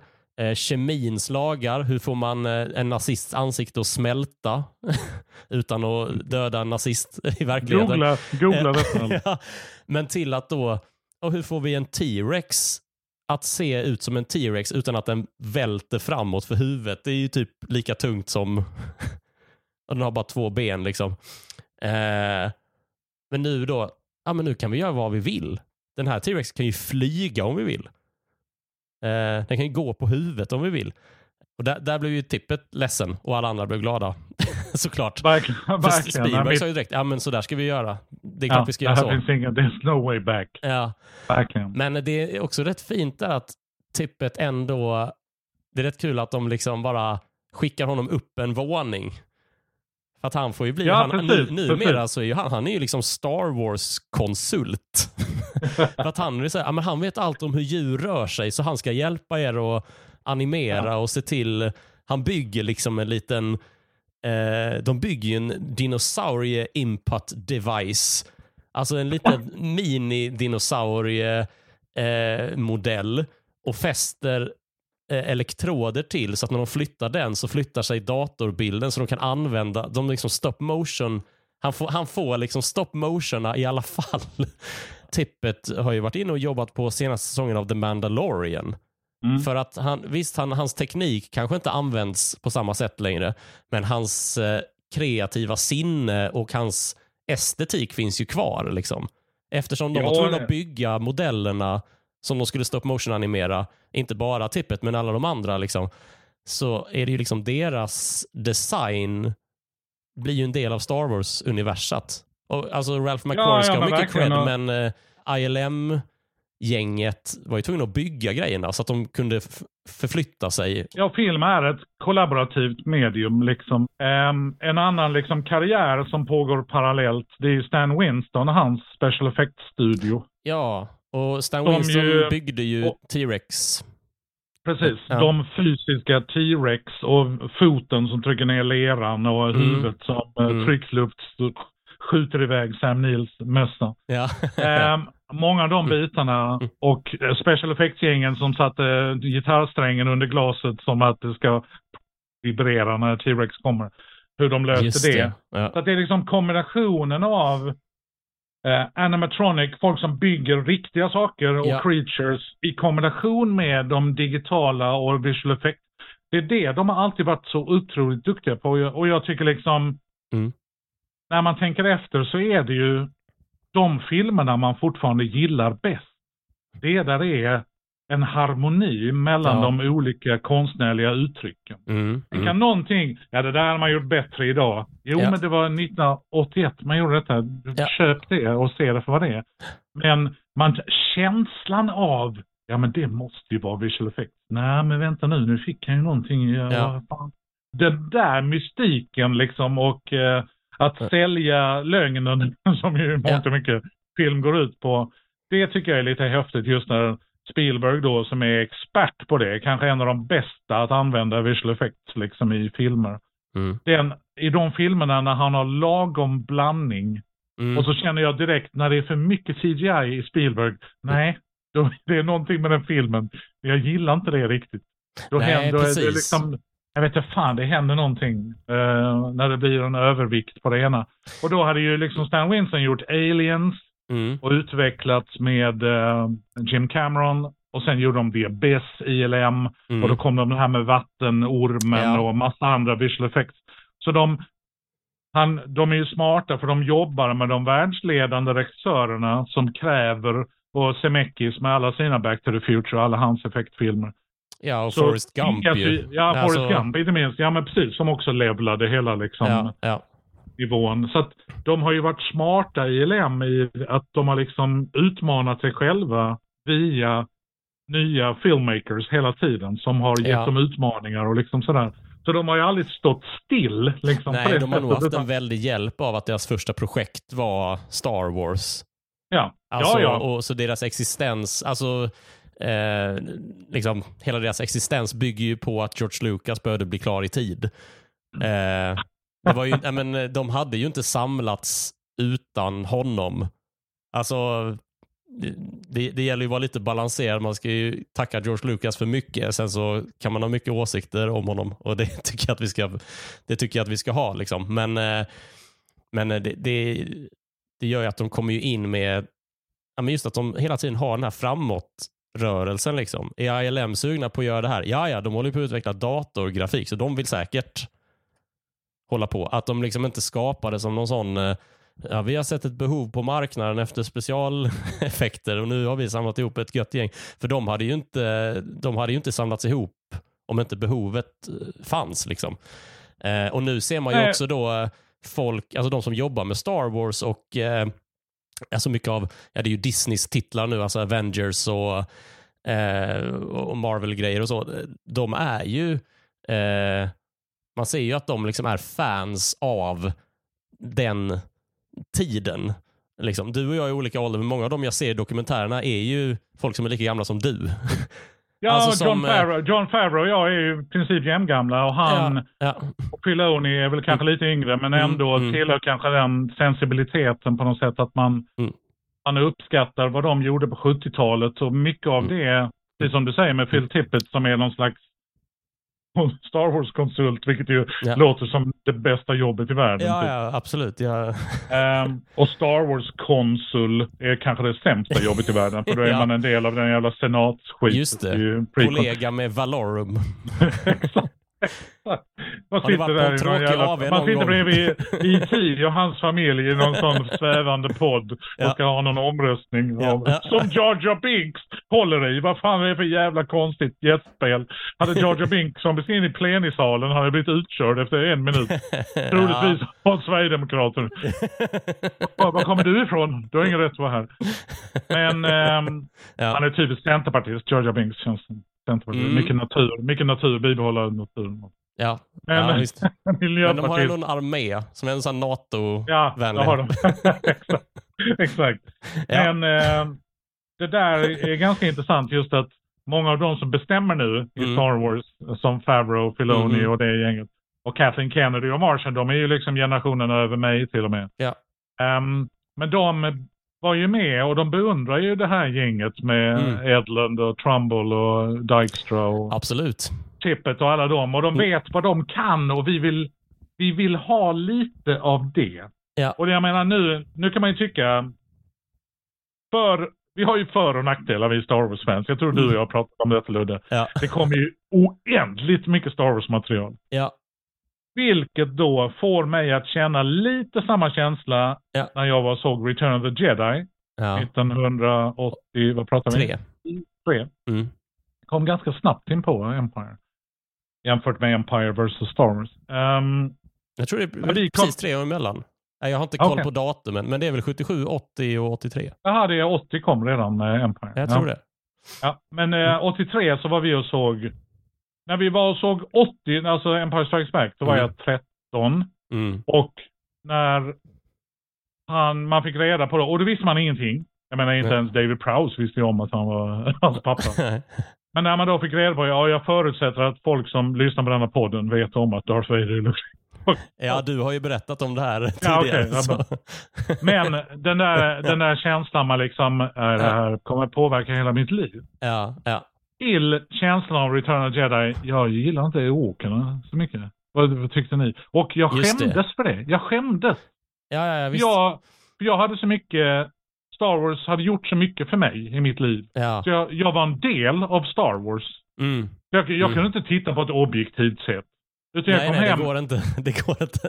Nej, Walkerna. Vad, Du hade ni? blivit tre år äldre och Ja, Star Wars hade blivit exakt. tre år yngre. Exakt. Och det var det konstiga då. Sen kom det ju som tur var lite andra filmer. Mm. med andra, och Back to the Future och jag kommer min, min flickvän och jag vi gjorde slut samma dag som vi var såg Back to the Future. Och när de flög iväg på slutet, jag hade glömt min flickvän helt fullständigt.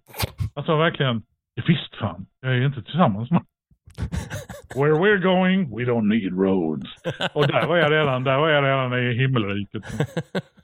Men ehm, det är Ja. ganska intressant att se just att eh, de som var i min ålder när Star Wars kom är Mm. nu de som är executive producers. Och de Ja. beundrar, de beundrar liksom det old school sättet att göra Star Wars. Ja, Nej, men det jag skulle det säga, det, så- jag skulle det, säga då, det var just att det kommer så mycket, Mm. men inte gilla allt. Nej, och du nej, kan nej. gilla, du kan gilla vissa saker sju av tio och fem av tio och så kan du, mm, det där Book of Boba Fett, vet du fan. Mm. Men jag tittar ändå, jag tittar ändå på det. Ja, ja, ja. ja, men det är väl lite det för. Och sen jag har tänkt så att de som jobbar där nu, Favreau, Filoni och Kathleen Kennedy, så mycket av deras jobb är ju att de är ju fanservice-branschen liksom. bara det att deras fans är i så många olika generationer. Du ska ha dem eh, som såg A New Hope när de var 11. Yes, yes, Vad ska vi yes. göra för dem? Ah, eh, ja, Mandalorian kanske. Eh, vi ska ha ja, de som växte upp med Rebels då. Ja, men Asoka. Eh, och eh, ja, men de som är min generation, prequel-gänget liksom. Obi-Wan Kenobi. För vi vill se mer Hayden Christensen och Ewan McGregor Absolut. fightas liksom. Eh, så mycket av deras jobb är ju faktiskt att se, okej vad gillade folk förr? Och spinna vidare på det och sen sitta i dokumentärer och berätta om det. För det är också en anledning till att det är intressant att prata om ILM. För det blir så himla bra stories. När de här eh, ILM, första generationens, eh, liksom Tippet, Dijkstra, de, eh, Edlund berättar hur de gjorde. För att det är ju mycket så här, ah, vi var tvungna för att eh, Ja, det är ju så att eh, vi kunde ju inte... Eh, en Star Destroyer kan ju inte flyga på riktigt. De finns, vi var ju tvungna att bygga och vi var tvungna att övervinna fysik. Så sen kom jag på att om vi häller i det här så exploderar det och det kommer det se snyggt ut. Så det blir så jävla bra stories och vi har bara en vecka på oss och George kommer bli jättearg och så vidare. Eh, det, ju, det blir ju lite i samma tid som du kan datoranimera, samma sekund, så blir ju bakom kulisserna dokumentärerna Mm. ointressantare. Liksom. För att det är mycket jag av kritiken mot effektfilmer är ju att de har gjort det bara för att de kan. Så här, alltså en Avengers-film, vilken som helst, kan man ju tröttna på för att så här, jo, jo vi förstår, men eh, bara för att du har en jättestor väska behöver du inte fylla den med grejer. Nej, men verkligen. Alltså- men det Men det är för, för nu, alltså så med den nya generationens ILM-are, alltså de, eh, alltså legacyt är liksom redan gjort. Alltså dokumentärerna kommer ju bli sämre. Det kommer ju bara vara, tänk när Favreau är i tippets ålder och sitter han bara, ja vi, eh, eh, ja vi hade ju en vecka kvar till eh, vi skulle lämna och cashminnet var fullt. Men vi rensade det så det löste sig. och, eh, Ja, den musar. Ja, men, nej, men det, var- finns, det finns nog. Man ska bara hitta rätt personligheter. Jag eh, Ja. älskar ju en sån som eh, Richard Taylor på Weta. Eh, Ja. Du vet, production designer, geniet som har eh, översett eh, eh, hela produktionen av svärd och rustningar. Och, och, Ja, I Sagan om ringen. Ja, Sagan om ringen. Ja, förlåt. ja, förlåt. ja, jag bytte, ja. jag bytte nördgenre. Ja, men jag kände igen namnet. Och Jo, men Richard Taylor, du vet, jo, men, glasögon. And these are the swords that were used by, made by Special Smith in Canberra in Australia. Och du vet, när han går runt, det är så jävla roligt. Ja, men jag, och jag tror att man är ju olika. Man, både Mm. du och jag är liksom intresserade av film och film, allt möjligt om film. Vi älskar ju allt. Och jag menar, jag minns ju fortfarande när vi såg Star Wars, Mm. då kände jag att ja, men nu är jag ambassadör för George Lucas här. Nu ska jag Mm. fan sälja in denna filmen och allt som har med den att göra till mina kompisar. Mm. Så jag hittar ju på skitmycket i Star Wars-universumet som Ja. jag typ lovade att detta kommer i nästa film. ja. Nej men Anders, vad hände med de grejerna? Ja men då strök de säkert det. De har klippt bort det. Men ja. du vet, jag, jag, jag adopterade hela Star Wars, eller blev adopterad av Star Wars. Mm. Så att, jo men när de gjorde den scenen så jag, allt Ja, det som ja. du och jag sitter och pratar om, har ja. jag ju pratat med Ja. lagom intresserade vänner. Men det är ju därför jag Eh. gör den här podden, för att det är ingen Jo, som lyssnar på mig. det är ju faktiskt det. Det är ett jättebra citat för din podd. Ja, Jag gör det- den här podden för att ingen lyssnar. Ja, men jag har ju berättat för kompisar och min fru och så vidare. Så kommer jag ihåg att nu när jag skulle researcha inför det här avsnittet, så här, "Ja, men jag ska bara kolla igenom den här ILM-dokumentären igen bara så att jag har det för det här. för- Och så kom jag på mig själv och berättade, visste du att Star Destroyer att den är upp och ner? Alltså, du fattar inte hur... Aj, aj, Vad aj. ska vi äta? Vad ska vi äta? Ja. Kan du gå och handla?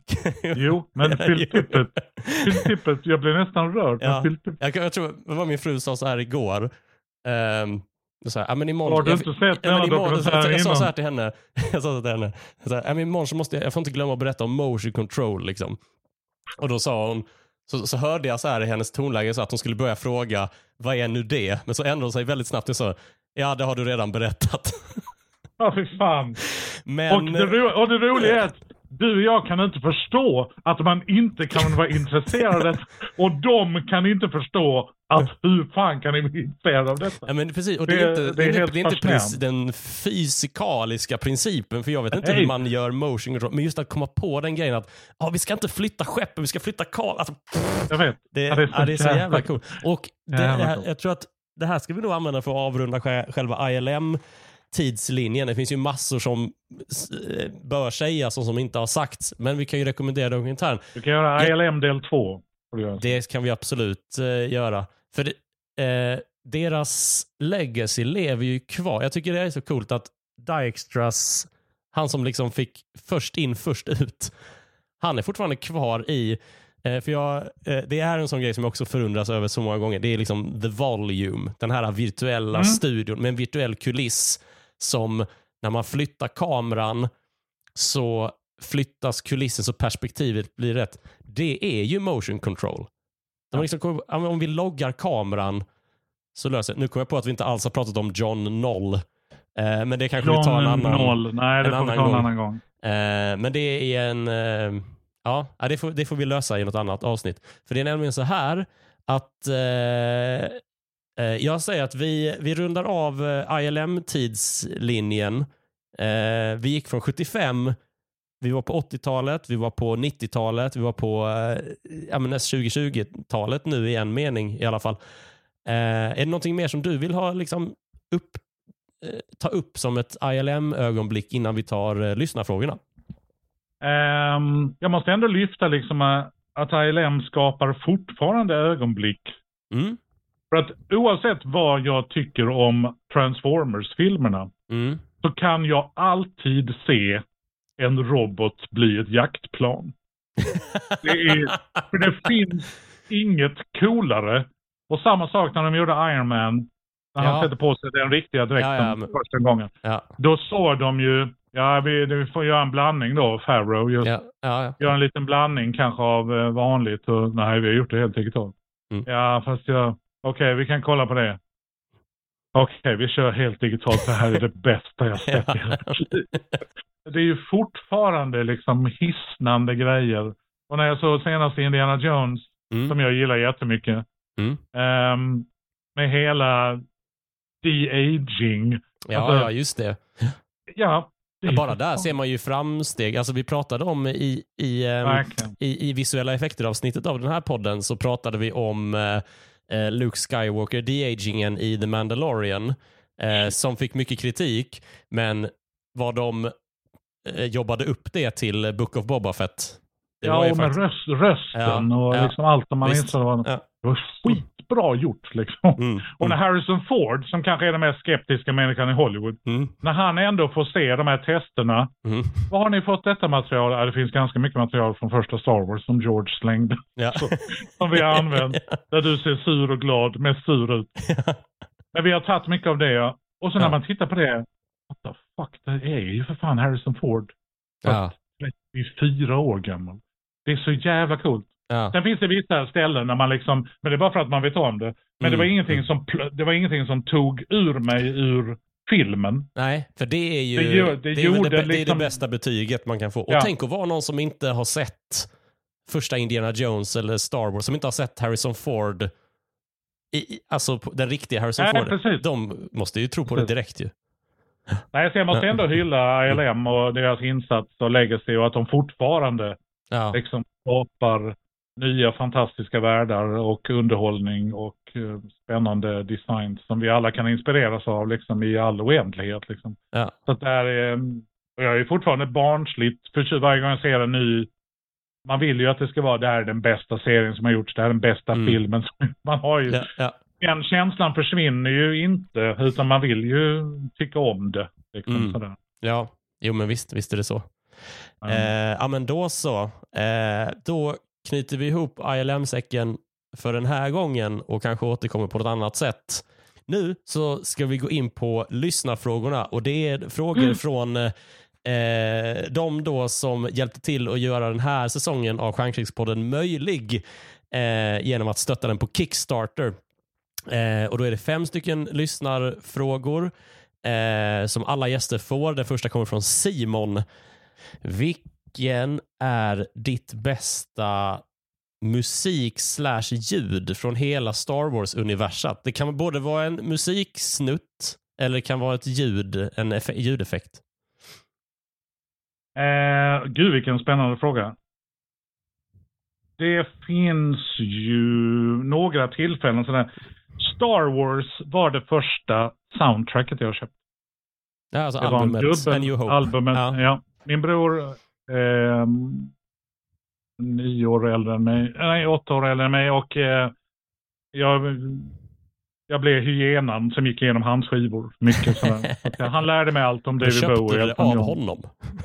nej, Sålde han, han, grejer? han tog med mig till en butik som heter Fortissimo i, Okej. eh, i Malmö. Som är specialiserad sig på filmmusik. Ja, ja. Och då var Star Wars det första vinylet. Och den hade, det fanns stillbilder från filmen Mm. inne i konvolutet. Det var en dubbel. Ah, nice. Och de nice. stillbilderna kunde man ju titta på i all oändlighet. Ja. Bara för att återuppleva. Och det var det enda som fanns liksom. Ja. Så det, det soundtracket har jag lyssnat, det är nog det soundtracket jag har lyssnat på mest eh, av alla. Ja. Och där finns det ett spår. Nu finns det ju massa olika utgåvor Mm. och eh, special editions och på Spotify finns det en grej och sådär. Men det finns det här partiet när R2D2 är ensam och Javas börjar dyka upp. ja, ja. Den heter väl precis- eh, Little People Work eller Ja, Javas Ja, ja precis. Desert något eller något sånt där. Ja, precis. precis. Ja. Men den föregås av eh, liksom ett annat stycke, för då Ja. ofta la de ihop styckena och sen klipper de dem. Sound editors klipper upp dem sen med hur de använder dem i film. Men eh, precis efter! När Mm. de skjuter R2D2 Ja. och neutraliserar honom. Ja. Ja. Det är dunket. Den musiken som sätter igång där.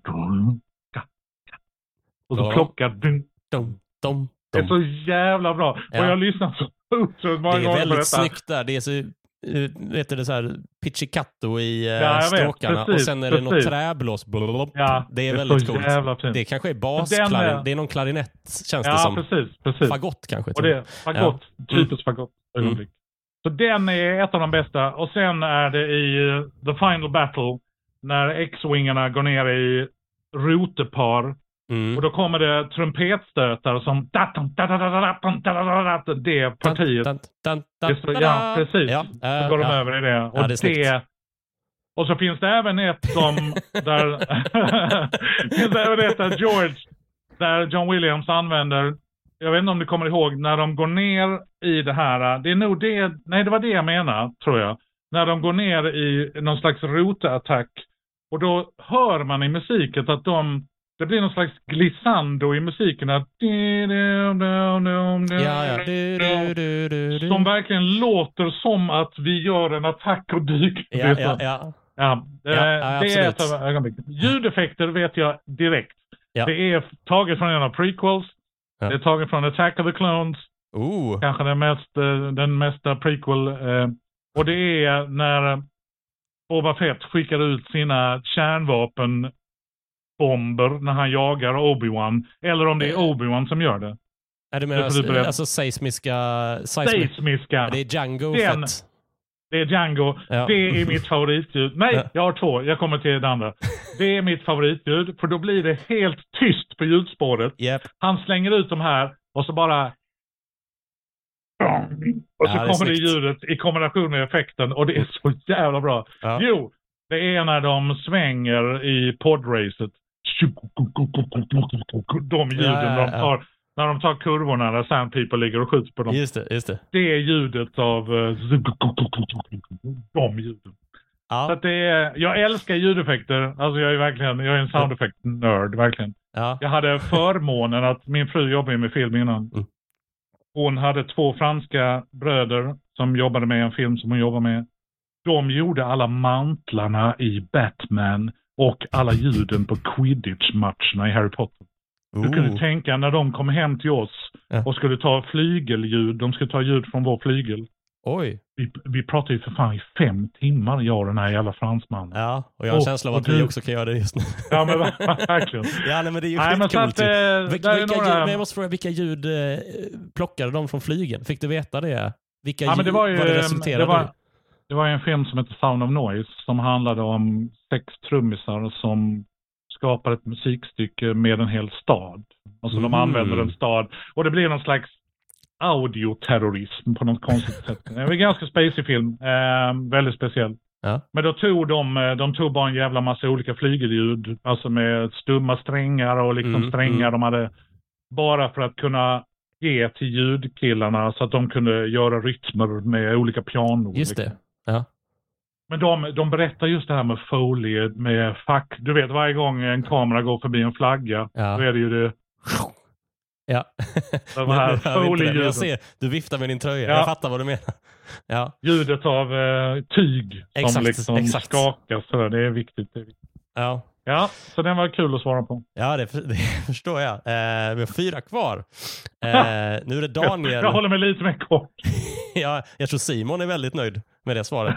Eh, eller jag är väldigt, det var väldigt eh, Nästa kommer från Daniel. Han undrar om du hade möjlighet att besöka en plats eller värld i Star Wars-universat, eh, var skulle du vilja åka? Tatooine vill man ju för fan inte åka. jättedåligt ställe att vara på. Men det här stället där um, Ray tränas. Alltså, ja, eh, vad heter det? Ah, alltså Det- ö- ön där Luke eh, bor, häckar. Ja, Skellig, uh, just. Ja, som ligger... Ja, nej, det vet jag inte. De har nog inget närlift. De har inget närlift. Ja, Men, nej, eh, kanske Wookie-planeten, vad heter den? Kashyyyk.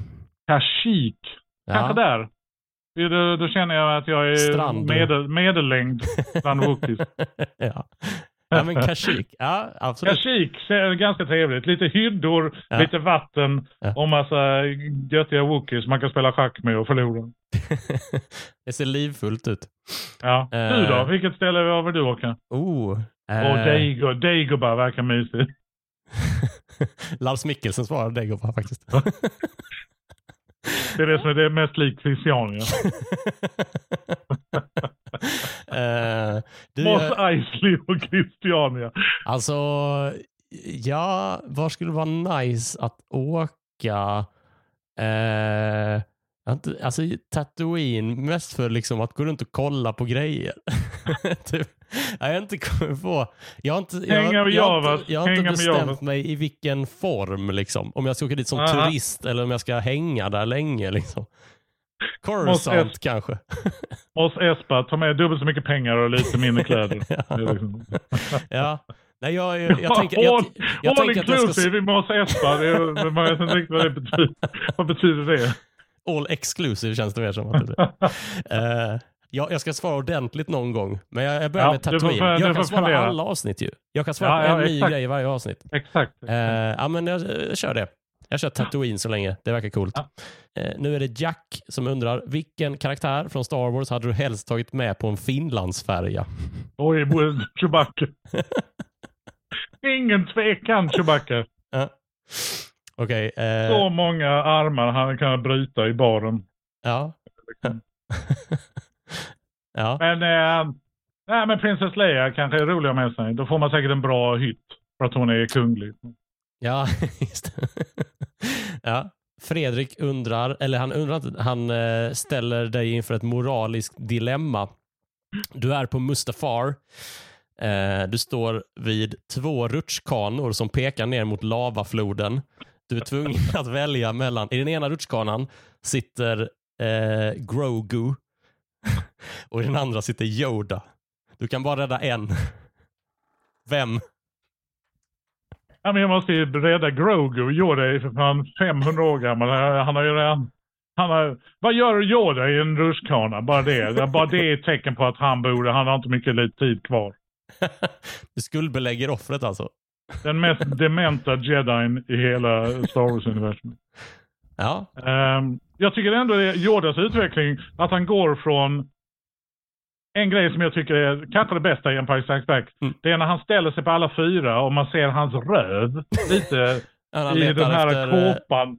Han ja, letar ja. efter grejer inne i R2D2 typ, eller i någon ja, låda. Ja, just det. Ja, när han hittar Då ficklampan. får man, ja. får man en känsla av att ja, det är Yodas lilla röv.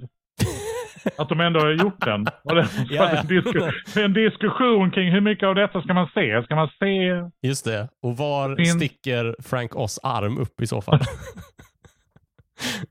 Alltid på fel ställe. ja. Nej, men jag hade nog Eh. offrat Yoda. ja. Yoda kan ju dessutom göra, kommunicera lika bra efter att han har dött. Ja, precis. Han känns, eh, han känns, skulle kännas mer okej med det också. Ja. Nej, men jag hade nog räddat Grogu. faktiskt. Mm. Ja. Och nu så kommer vi till eh, Anders som undrar. Moraliskt dilemma. Ja. Nu är det ju din fråga ju. Ah, Eh, det kommer jättemycket Star Wars-titlar, filmer, serier, spel, grejer. Vilket är ditt dröm Star Wars-projekt som du önskar blir eh, gjort? Film, serie, bok, oavsett. ja, Mm. det kommer ju då eh, lite nya filmer. Mm. Ja, tv-serierna har jag tyckt var sådär i olika grad av sådär. Mm. Men jag måste nog säga att jag är mest taggad på eh, James Mangolds film. Mm. Om the New Jedi Order, va? Ja, eller om The Jedi Order är det väl bara liksom rent... är det inte ja, det? precis. jag har inte hundra koll på det här, men det, det, det kommer ju tre nya filmer och en ska väl handla om uh, Ray fast 15 år efter eh, Rise of Skywalker. En ska handla om eh, eh, liksom eh, hur det var för, långt före prequel. Är det den du menar? 25 000 år before anything we've seen before. And Ah, it, okej. will är intro- ju it inte- will introduce the first Jedi and Ah. investigate the origins of the Force itself. Ah, coolt, coolt. Ja, men då, då, då är det inte Ray-filmen. Uh, Nej, precis, Ja, men då det- fattar jag. Ja, men eh, okej, det är Mangold som ska göra den alltså. Ja, men det är ju Ja. coolt ju. Ja. För det är hon, Charmin Obeid Chinoy, som är regissör, som ska göra den om Ray. Okej, ja. Och sen ska Filoni göra någon annan. Är Filoni ska göra någon slags eh, avslutande film om eh, eh, jag tror nu eh, om liksom Asoka, Mandalorian, de, den det. tids... Eh, Precis. Det Epoken som händer ska- mellan. Ja, precis. Det som Ja. händer där. ja. Så att ja, James Mangolds film Mm. låter ju som det kan bli lite som en ny Star Wars-film. Alltså, ja, precis. Det känns ju coolt kan- att de börjar där. Har du sett de här um, Tales of the Jedi som har kommit på Disney+. nej, Plus? nej. För där nej. är lite som så här- lite olika stil och lite olika regissörer. Eh, nej, det här är Filoni-animation, men det är lite så här eh, väldigt episodiska små snuttar. Det handlar om ett, första avsnittet handlar om när Asoka är liten, men sen så är det lite avsnitt som handlar om precis, de utspelar sig före Phantom Menace och under tiden. Man får se Qui-Gon när han är Padawan åt eh, Dooku och sånt. Det är lite roligt. Oj, coolt. Jag ska titta på. Ja. Ja men eh, absolut, det känns kul att börja väldigt långt före och Origins of the Force känns ju alltid intressant alltså. Ja, precis. Och varifrån den kommer och vilka var de? Och då, han, han, han är Mm. helt fri i princip. Ja. Ett, ett samtal med George antagligen, men Ja. vi, vi kanske får se helt nya saker i Ja, och det är också kul eh, för om man tittar på de andra filmerna så bygger det väldigt mycket på att man har knutit an till någon av de karaktärerna, Ray till exempel, eh, som kanske inte är inte, långt ifrån den mest hyllade Star Wars-karaktären. Eh, liksom var ju många som liksom inte brydde sig så mycket så. Eh, och sen då Mandalorian, Asoka. Eh, jag är väldigt inne på dem, men det är också, jag är ju från liksom prequel generation. Jag tror många Star Wars-fans som inte bryr sig så mycket om Asoka eh, för att det är ju en animerad figur från början. Men det är också, då tycker jag det är väldigt kul då att det här eh, om man ska utforska the origins of the force, att man knyter an till, inte en karaktär, men till ett koncept.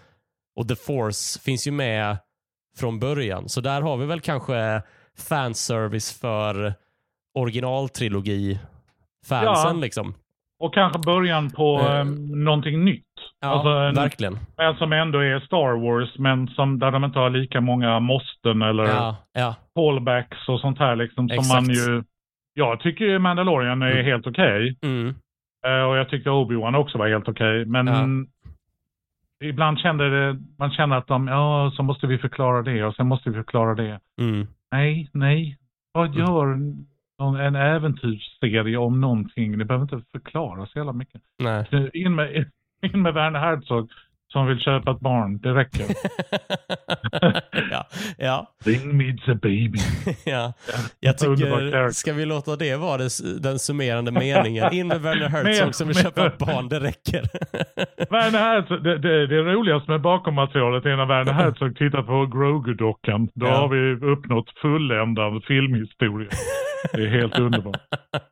ja. Du, eh, Anders, vi har pratat en god eh, stund eh, nu, men vi låter Werner Herzog vara eh, summeringen för detta. Kom ihåg att den här podden finns tack vare dig som lyssnar. Bli Patreon på patreon.com charnkrigspodden eller swisha en valfri summa till 123 141 51 99. Alltså 123 141 51 99. Gör det. Ju fler som gör det, desto fler och bättre avsnitt kommer det bli. Anders Jansson, tack för den här gången. Tack Ludde och tack alla som lyssnar. Eh, Jag tackar också alla som lyssnar och jag säger som jag brukar. Tack för den här gången. Vi hörs nästa. Det här avsnittet gjordes möjligt av Jack Engelholm, Daniel Krantz, Anders Jansson, Simon Karlsved, Fredrik Posett Falk, Hilding Fransson, Rickard Lindqvist, Per Lindström, Hans Ståhl, Johannes Torstensson.